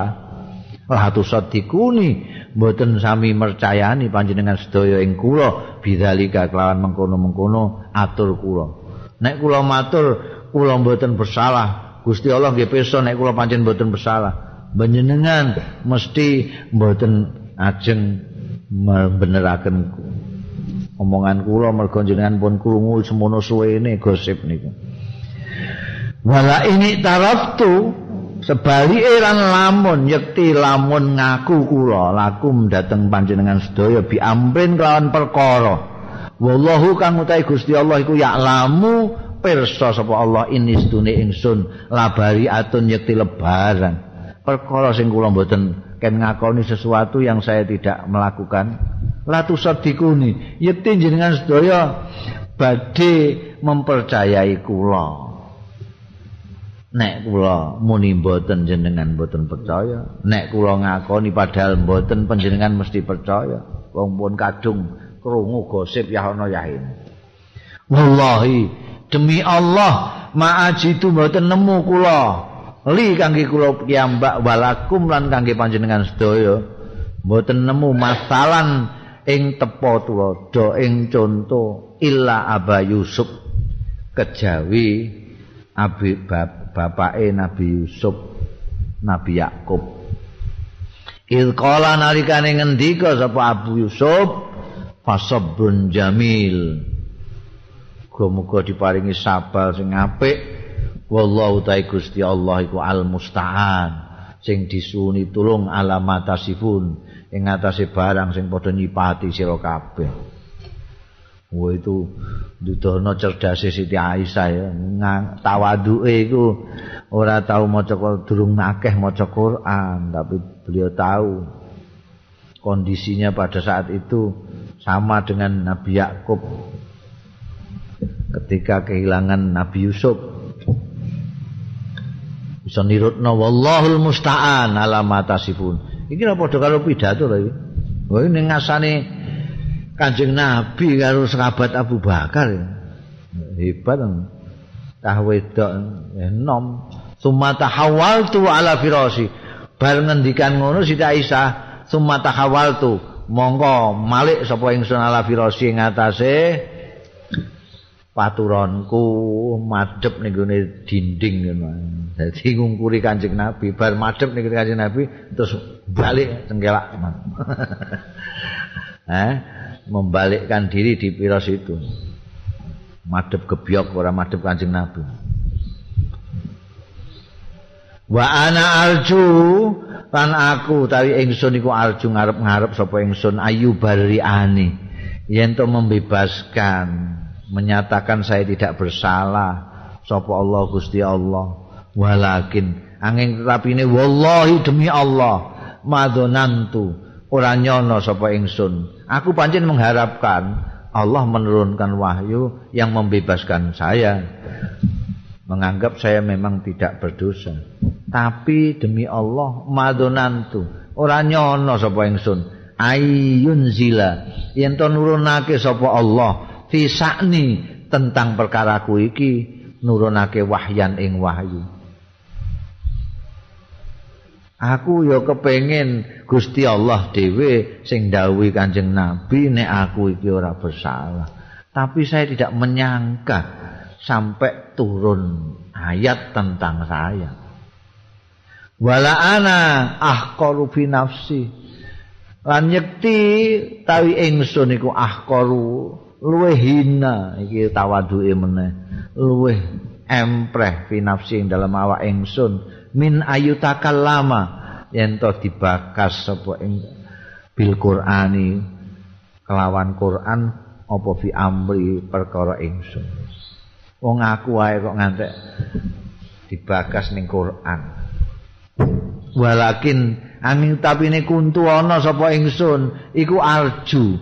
Sing tak arep-arep menamung ayaro yen to supeno sapa Rasulullah sallallahu alaihi wasallam mirsani sapa Rasulullah sallallahu alaihi wasallam fin naumi ing dalem sare mirsani ru'yan ing impen yubari uni sing membebaskan ya ru'ya ing ingsun sapa Allah lah sing bebasno ingsun sapa Allah Gusti Allah biar kelawan ru'ya mau saya ndak mimpi kalau ayat yang turun. Saya cuma sekedar ingin saya dibebaskan lewat mimpi Kanjeng Nabi ngono ae lho. Dadak turun ayat. Fa wallahi ma Rasulullah majisau. Demi Allah maroma ora ninggalake sapa Rasulullah sallallahu alaihi wasallam majlisahu ing majlise Kanjeng Rasul, tempat pinaraane Kanjeng Rasul. Wala kharaja ahadun lan ora metu sapa ahadun seorang pun min ahlil bait sange ahlil bait sing ning kamar kono kabeh hatta anzalallahu alaihi sehingga tumurun apa nurunake sapa Allah Gusti Allah alaihi ngatasé Kanjeng Rasul al wahya ing wahyu. Di Kanjeng Nabi masih duduk di tempatnya, Sahabat Abu Bakar dan garwani saya di situ, perempuan Ansor masih di situ, Ali Bait masih di dalam kamar semua. Turun wahyu. Fa akhadhahu makana ya'khudhu minal buraha monggo nya nyalap ing Kanjeng Nabi ngeneki ing Kanjeng Rasul sallallahu alaihi wasallam apa mabarang. Karena kang ana yoma iku yakhudu ngeneki yoma ing Kanjeng Rasul bayani minal murburoha nyatane apa? Keringatan keringatan kaya gemetaran. Kanjeng Nabi kalau dapat wahyu itu terus ndrodok kabeh terus keluar keringatnya besar-besar. Buraha itu. Hatta innahu la yatahaddal minhu. Sehingga setune kelakuan la yatahaddal. Yakti padha gemlender minhu saking Kanjeng Rasul. Apa mislul juman minal arab kaya permata-permata apa jenenge kaya mutiara-mutiara minal aroki saking eh kringete Kanjeng Rasul. Fi yaumin satin ing dalem dina musim dingin. Musim dingin niku nek ketekanan wahyu Kanjeng Nabi itu. Hak itu. Ingat banyak sampai koyok mutiara-mutiara Falamma surya. Mongko bareng tersingkapkan an Rasulillah saing Kanjeng Rasul sallallahu alaihi wasallam. Telah lepas dari itu semua sudah wahyu sudah turun. Wa huwa halutai Kanjeng Nabi ku yathaku gumujeng Kanjeng Nabi. Pakana mongko ana apa awalu kalimatin? Kawitane kalimat takallama biha. Kang ngendikaake sapa Kanjeng Nabi biha kelawan awalu kalimatin? Iku angkola. Yen to ngendika Kanjeng Nabi limarang ingsun. Ya Aisyatu e Aisyah ikhmadillah mujiya sira wadon ing Allah faqad barra'akallah monggo teman-teman membebaskan kaing sira sapa Allah Gusti Allah. Faqalat li ummi mongko ndawuhi limarang ingsun sapa ummi mbokku ibuku. Kumi endang kaki ngadeg nduk. Ila Rasulillah maring Kanjeng Rasul sallallahu alaihi wasallam. Fakultu mong matur sapa ingsun. Lak mboten? Ana apa? Aku aku. Lak wallahi demi Allah la aku mu ilai mboten ajeng jumeneng kula ilahi dhateng Kanjeng Rasul. Wala ahmadu. Lan mboten badhe muji kula illallah kejaba Gusti Allah. Ngono iku rase. Mboten. Kula mun dituduh sing ora-ora wa anzalallahu mongko nurunake sapa Allah azza wa jalla. Innal ladzina ja'u bil ifki usbatum minkum. Tak temene wong-wong sing jauh padha teko ya wong-wong bil ifki kelawan gosip. Iku usbatun sekelompok orang mingkum saing sira kabeh al ayatin terus no dhewe ngayat Malam anzalallahu azza wa jalla. Bareng nurunake sapa Allah azza wa jalla hadza. Ing dawuh iki fi baroati ing dalem ketidakberdosaanku kebebasanku. Kala ngendika sapa Abu Bakar ini Siddiq, ngendika sapa Abu Bakar Siddiq. Wa kana lan ana sapa sahabat Abu Bakar Siddiq iku biasane yumfiku nafakoi sapa Abu Bakar Siddiq alam mistahibni usata. selalu memberi kayak memberi gaji nafkah itu nafkah yang permanen biasa sahabat Abu Bakar orangnya lomo banget jadi termasuk di antara yang selalu dinafkahi itu adalah Mistah bin Utsata. Mergo ya isih kerabat likarabatihi krana kekerabatane Abu Bakar Siddiq minhu saking Mistah utawa likarabati sebab kekerabatane Mistah minhu saking Abu Bakar Siddiq. Tapi setelah ayat itu turun, sahabat Abu Bakar ngendika, "Wallahi demi Allah, la umfiku ala Mistah sayan." Wis aku ora bakal nafakoi neh alam mistoh ing atase mistoh saean ing apa-apa. Abadan selawase. Bakda makola sakwise barang kola kang ngucapake sapa mistoh gosipno anak kuli Aisyah ta marang Aisyah. Ini melok-melok nuduh-nuduh Aisyah. Wis serarep nafakoi neh selawase aku. Hmm. rasudi hmm. Fa anzala mongko nurunake sapa Allah Gusti Allah azza wa jalla. Wala ya'tali ulul fadli minkum wasa wala ya'tali aja sumpah sapa ulul fadli. Wong sing duweni keluwihan punya kelebihan minkum saking sira kabeh. Wasaati lan duweni kejembaran ila kaulihi semtu mekane dawuh Gusti Allah ghafurur rahim. Hmm. di langsung ditegur. Ini membuktikan bahwa sahabat Abu Bakar memang termasuk orang yang ditintai Allah Ta'ala. Begitu beliau sumpah-sumpah tidak akan memberi lagi nafkah kepada Mistah ditegur oleh Allah Ta'ala. Wong duwe kelebihan. Sumpah harap ora menehi nafkah iku piye? Apa ora kepengin untuk pengapurane Gusti Allah sing Ghafurur Rahim apa piye? Fakola mongko ngendika sapa Abu Bakar sahabat Abu Bakar bala nggih wallahi demi Allah ini stune kula la uhibbu demen kula ayaghfirallahu li yen to ngapura sapa Gusti Allah li dateng kula? Para ja'a mongko bali sapa Abu Bakar ila mistahin marang mistah. Alladzi kana yajri kang ana sapa sahabat Abu Bakar ku yajri maringi sapa sahabat Abu Bakar alaihi ing atase mesta dikembalikan lagi nafakoe setiap bulan dikasihkan kembali. Karena ditegur oleh Allah itu wa kana lan ana sapa Rasulullah Kanjeng Rasul sallallahu alaihi wasallam. Kanjeng Rasul ya menanyakan loh pada peristiwa itu Kanjeng Rasul iku yas'alu dangu sempat dangu Zainab bin Zainab binta Jahsin ing Zainab binta Jahsin an amri saking perkaraku.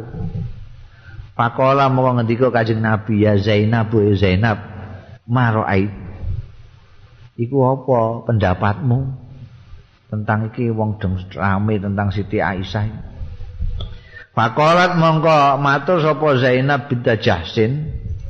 Zainab binti Jahsin ini marune Siti Siti Aisyah ya garwane Kanjeng Nabi. Mongko jawab sapa Zainab binti Jahsin, "Ya Rasulullah, ahmi sam'i wa basari." Kula melindungi sam'i ing pengrungon kula babasori lan mripat kula. Dadi kula niki mboten nate krungu napa-napa mboten nate ningali napa-napa. Niku kula lindungi. Kuping-kuping kula niki kula tutupi. Ane ben mboten saged ngomong mboten saged ngrungokake. Mripat kula nggih pun kula tutupi ben mboten ningali napa-napa Jadi wallahi demi Allah ma'alim tu mboten ngertos kula alaiha ing atase Aisyah illa khairan kejaba bagus. Jadi kula mboten ngrungokno gosip mboten napa tapi kula nyekseni nek Siti Aisyah niku sae. Mboten nonton kecuali saya. Kolat ngendika Siti Aisyah, "Wahia padahal wahia utawi apa Zainab bintu Jahsin iku alati kanat. Kang ana ya lati ana iku tusamini. Nyaingi ya lati kanat ing ingsun. Nyaingi. Padha ayune anu segala macam. Pokoke sing gawe ini tapi fa Allah bil wara. Ngreksa sapa? Ha ing Zainab sapa Allah Gusti Allah bil wara kelawan njaga hormatan dadi nek ora kan ya wong saingan ya eh, kesempatan iki. Ngelak-ngelak itu ndak dijogo karo Gusti Allah direksa. Eh, eh an Abdillah ngono cerita kok ngono mengenai Kanjeng Rasul ya. An Abdillah kala kaya kurang ae apa cobaan nih kanjeng Nabi cobaan sudah sekian banyaknya masih dicoba di keluarganya mas. Seperti itu. Jujurnya kok Siti Aisyah. Kuat Anak Abdillah saking Abdillah. Abdillah itu janji Abdillah ya Abdullah bin Mas'ud. Kala ngendika Abdullah bin Mas'ud kala Rasulullah ngendika sapa Kanjeng Rasul sallallahu alaihi wasallam Man halafa sapane wong sing sumpah ya man bilai kelawan Allah taala la yamine ning atase sumpah wa huwa khale utawi man fiya ing dalem sumpah mau iku fajirun lacut ora bener. Liak tati lah apa kok sumpah-sumpah barang ora bener? Liak tati supaya iso ngamek ya. Iso nyomot ya. Sapa man biha kelawan sumpahe mau yamin mau malam riin muslimin ing bandane wong muslimin sing muslim lagi mongko ketemu sapa man Allah ing Gusti Allah wa huwa Allah alaihi ing atase man iku ghadbanu bendu. Ana wong sumpah ora bener hanya karena ingin sesuatu harta dari seseorang muslim nanti Gusti Allah ketemu Gusti Allah Gusti Allah dalam keadaan bendu karo wong mau. Sumpah wallahi wallahi perlune bentuk sesuatu dari seseorang. An Nabi Hurairah anin Nabi sallallahu alaihi wasallam qala la tusaddiqu ahlal kitab. Aja benerno sira ahlal kitab yang ahli kitab. Tapi wala tukadzibum lan aja ngorohno sira ing ahli kitab. Oh modele. Kowe aja benerno ahli kitab. Yahudi Nasrani aja mbok benerno. Tapi aja mbok gorohno. Nah sepundi? Wa qulu amanna billah. Ngono wis wa kululan ngucap sira aman iman sapa kita bila iklan Gusti Allah. Wa ma unzila ilaina lan barang kang diturunno ya mailaina maring ingsun al ayat. Waca iku ayate. Uma tukar ngono kuwi dadakan goro-goro ahli kitab barang itu. Pemenang ning kene negara Pancasila. An umi kulsum binti uqbah an umi kulsum ibni uqbah binti uqbah nastu umi kulsum binti uqbah. Ana samiat mireng ya umi kulsum Rasulullah yang kanjeng Rasul sallallahu alaihi wasallam. Ya kulu ingkang ngendika Kanjeng Rasul laisal kadzabu ora ana sapa al kadzabu wong sing bohong wong sing pembohong. Ora ana iku Allah yuslihu sing matutake sing damekake ngislahake bainan nasi antarane manusa bayan mi khairan moko ngomongake. Ngomongake sapa lazi khairan ing bagus. Au yakulu khairan au sakun minar rawi apa yanmi apa yakulu. Tapi sing jelas terusé khairan. Yanmi khairan apa yakulu khairan. Yanmi itu iku gandengane karo yunmi. Anma yunmi iku maknane ngomong ning wong nggo ngedu wong. Omongan sing nggo ngedu wong. Eh kowe diingi ditantang-tantang karo anu. Ngono iku an mayunmi. Nek dinggo mengadu domba iku bahasane Arab an mayunmi. Nek dinggo is ngislahake wong iku nama yanmi. Maknane padha ngomonge, tapi nek iki ngomonge beda karo wong adu-adu. Nek adu-adu ngono mau ngomongi kowe dirasani jarene oh potongane wong ngono iku nek gak ditempiling muni ngono mbek kowe. Iya, engko sing kono dikandani ne, kowe ditantang mbek anan. Akhire terus tukaran. Iku an mayunmi, omongan sing kono iku. Tapi nek yanmi nama yanmi iki ngomongnya gak ngono. Jadi ora kirim salam ra apa ora ngelem ra apa kowe terus kondo karo kancamu sing lagi tukaran A mbek B tukaran kowe mara ning gone A Ya, aku dingin ketemu Mbak B. Ya kenapa? B. Ndek ini rumangsa menyesal. Anu, duwe kesalahan mbek sampean iku.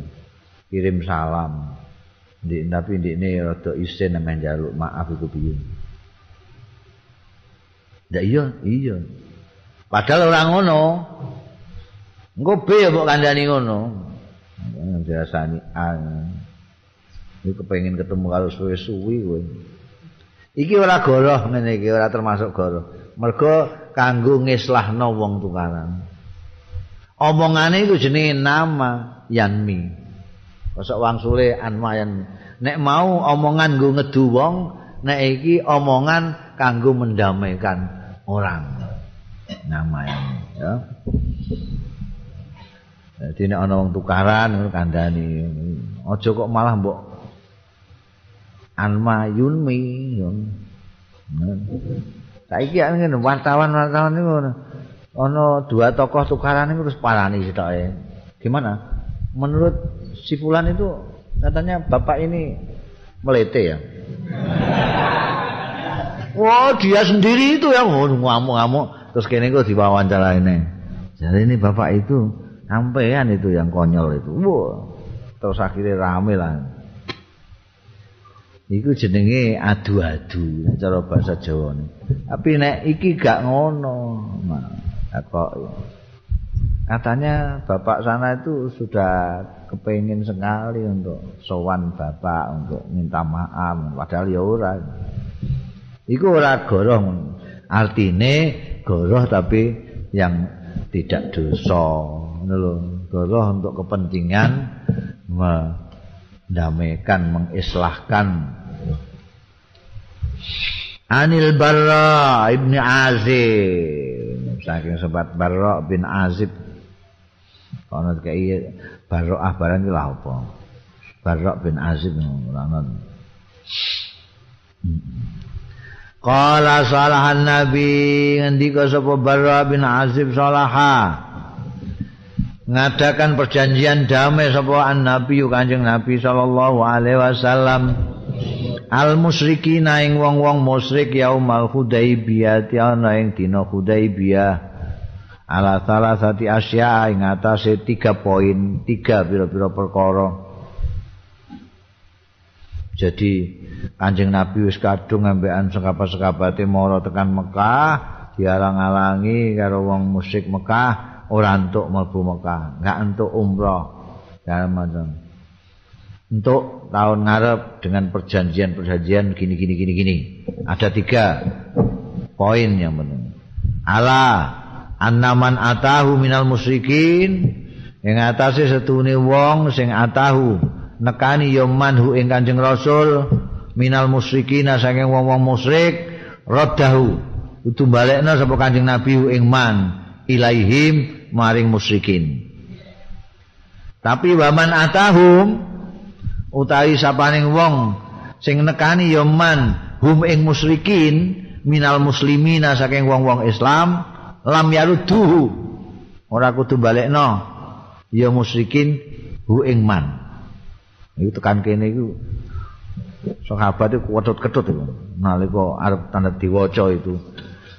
Apa poin-poin itu? Terutama sahabat Umar kudu ngamuk ae. Wah, aturan kok ngene perjanjian? Siapa di antara orang musyrik Mekah yang datang ke Rasulullah ke Madinah harus dikembalikan ke Mekah. Tapi ini ana wong Madinah mara ning Mekah ora kudu dibalekno ning Madinah. Ngono sak enake dhewe iku. Muangkel itu kan. Tapi kan jangan tenang-tenang Ya niae. Nomor loro wa ala ayat khulaha. Lan yen to ora mlebu sapa Kanjeng Rasul ha ing Mekah min qabilin wa ala ayat khula yang yento melbu jadi bukan sekarang tapi besok. Wa ala ayat khula yang yento melbet kanjeng nabi sekabate hak ing Mekah min qabilin sanging tahun sing ngarep sing akan datang. Wa yuqimu biha lan mukim kanjeng nabi balane biha ana ing Mekah salah satu ayamin telung dino Dan ketiga walayat khuluha. Walayat khuluha ora kena mlebu Kanjeng Nabi ing Mekah illa bijulubani sila. Kejaba kelawan sarung senjata juluban. Saif, pedange, sak warangkane wal kaus lan gendewa wa nahwihima iku juluban jelubuan silah itu gitu.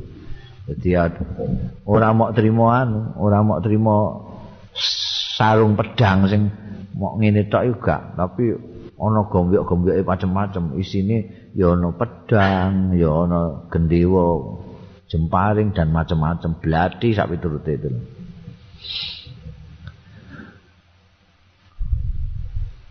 Faja'a Ngongko teko sapa Abu Jandal. Abu Jandal ini orang Islam yang ada di Mekah. Disiksa terus mbek bapake dhewe. Ora kuat terus melayu ning Madinah. Yah dulu melayune iku kecincukan sikil siji ngono kae mergo apa? Mergo fikuyudi ing dalem bandanane Abu Jandal. Dia masih dalam bandanan itu, jadi kecincukan. Bayang no Mekah dengan Madinah, kecincukan ngono kuwi. Mergo ditaleni bapak dhewe. Ditaleni bedal melayu dalam keadaan sikile isih ditaleni. Bareng tekan Madinah, paradahu. balekna sapa Kanjeng Rasul hu ing Abu Jandal ilaihim marang wong musyrik. Balik bu, we balik. Masya Allah kancing Nabi Kula niku tuh mereka disiksa nggih mboten karu-karuan kula mereka. Kula niku kecincukan tali niki engklek kok Mekah. Tekan mriki kok kan mangsul. Lah yo perjanjiane ngono Abu Jandal. Eh, perjanjiane ngono. Kowe sing sabar ya. Engko sedelok engkas. Sedelok engkas ya ora suwe kok. Wis Sabar, sabar. Dan ternyata ini kearifan Kanjeng Rasul sallallahu alaihi wasallam itu tidak disadari apalagi oleh orang Mekah, oleh sahabatnya sendiri tidak ngerti. Ini perjanjian konyol ini. Kalau mereka datang suruh mengembalikan, kalau ada dari sini ke sana enggak dikembalikan. Ternyata nanti terbukti bahwa kalau sampai ada orang Mekah sampai Melayu ning Medina, ini ketokan paku kayak Abu Jandal ini. Itu orang mukmin yang betul-betul hebat sampai Melayu dari Mekah ke Medina. Orang hebat begini ini balik noae dan mempengaruhi orang-orang di sana itu. Ana wong Medina kok murtad melayu ning gone Mekah? Lha apa dibalekno rene? Mare ngira-ngirani nyumpek-nyumpek wis ning kono ae gitu. Jadi eh, ternyata tidak ada yang ke sana. Ke sana berarti buaan. Gitu. An Sa'ad bin Abi Waqqas. Saking Sa'ad bin Abi Waqqas seorang sahabat hebat ahli memainkan panah zaman perang Uhud namengi Kanjeng Rasul sallallahu alaihi wasallam dengan jemparingnya. Wong-wong sing nggawa jemparing didhawuhi Kanjeng Nabi, "Wahna saat, wahna saat kabeh." Iki sing nggawa jemparing uncalan ning ngarepe saat. Saat manah wong iku ora nganggo panah siji, langkep pirang-pirang, bubuk kena kabeh. Itu ada seribu lebih sing dipanahi mbekan beliau ini. Ngendika kala jaan Nabi rawuh sapa Kanjeng Nabi sallallahu alaihi wasallam. Rawuh ning nggonku yauduni. Tilik sapa Kanjeng Nabi ing ingsun aku pas lara ditiliki. Wa ana utahe ingsun nalika iku bi Makkah ing Mekah. Wa wa utahe Kanjeng Nabi ku yakrahu ketoke ora seneng ayamu ta yen to mati sapa Sa'ad bin Abi Waqqas bil ardil lati hajara minha ana ing tanah alati hajara sing hijrah sapa Sa'ad minha saking lati. Nah, ingin mati dari tempat yang ditinggalkan dulu. Wong meninggalkan tempat itu kok mati di sana. Kanjeng Nabi tile terus ngendikan kala ngendikan Kanjeng Nabi yarhamullah ibnu Afra muga-muga ngrahmati sapa Allah ibnu Afra aing ibnu Afra. Pasal aku ditutus aku nyuwun pirsa sapa ingsun Rasulullah ing Kanjeng Rasul sallallahu alaihi wasallam. Kultu maturku ngene ya Rasulullah duh Kanjeng Rasul usi bimali kula. Napa kula wasiatake kula niki pun ajeng mati ngeten iki. Usi napa kula wasiatake bimali kelawan bondo kula kulih sedayane bondo kula. Bondo kula napa kula wasiatake kula kan ngeki kon nyukake tiyang sedaya kala dawuh kanjeng Nabi la ora aja. Aja kabeh. Kultu matur sapa ingsun? Fasatru.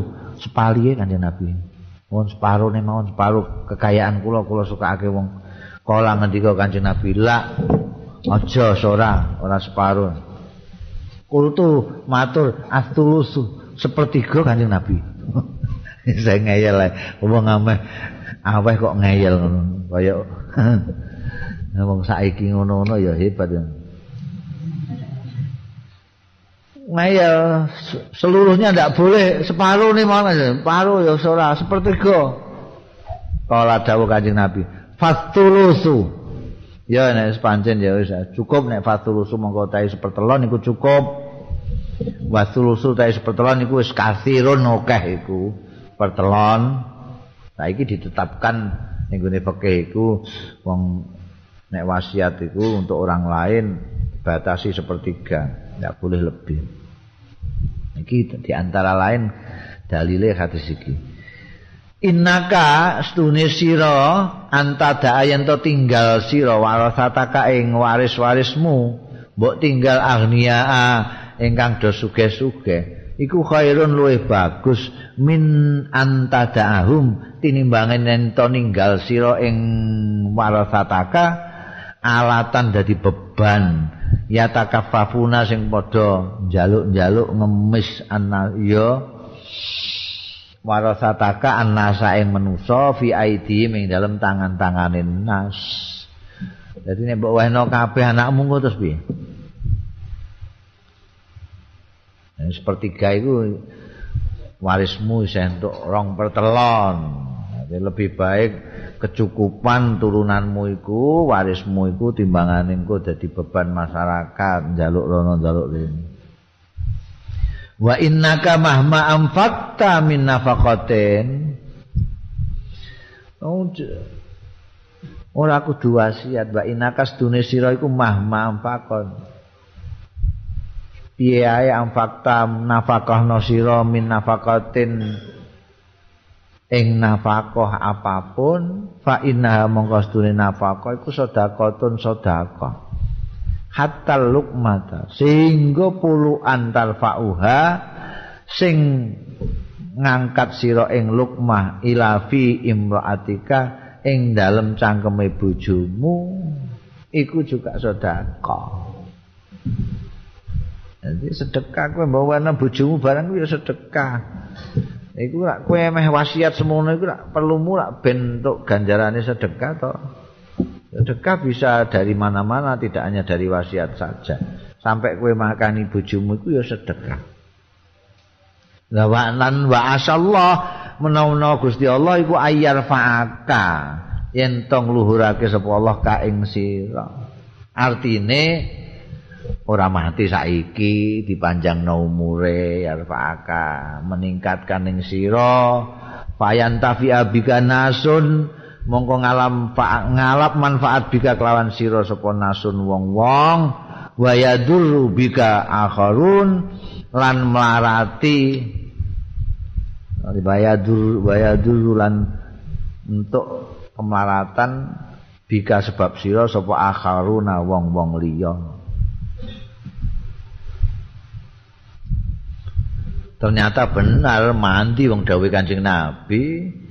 Yarfauka ternyata masih lama kapundute saat bin Abi Waqqas ini. Masih puluhan tahun nggak mati-mati. Masih banyak dimanfaatkan orang tenaganya mimpin peperangan di mana-mana. Sampai saat peninggali Kanjeng Nabi beliau masih menjadi pahlawan perang. Jadi nek wayadur rubika akharun ini ya sing kafir-kafir. Yang tapi ubikan nas iku sing muslim mukmin mukmin dan untuk manfaat saka Sa'ad bin Abi Waqqas. Nah, sing kafir-kafir untuk molon. Itu panah mbek ndekne. Walam yakun lan ora ana lahu kedue Sa'ad bin Abi Waqqas.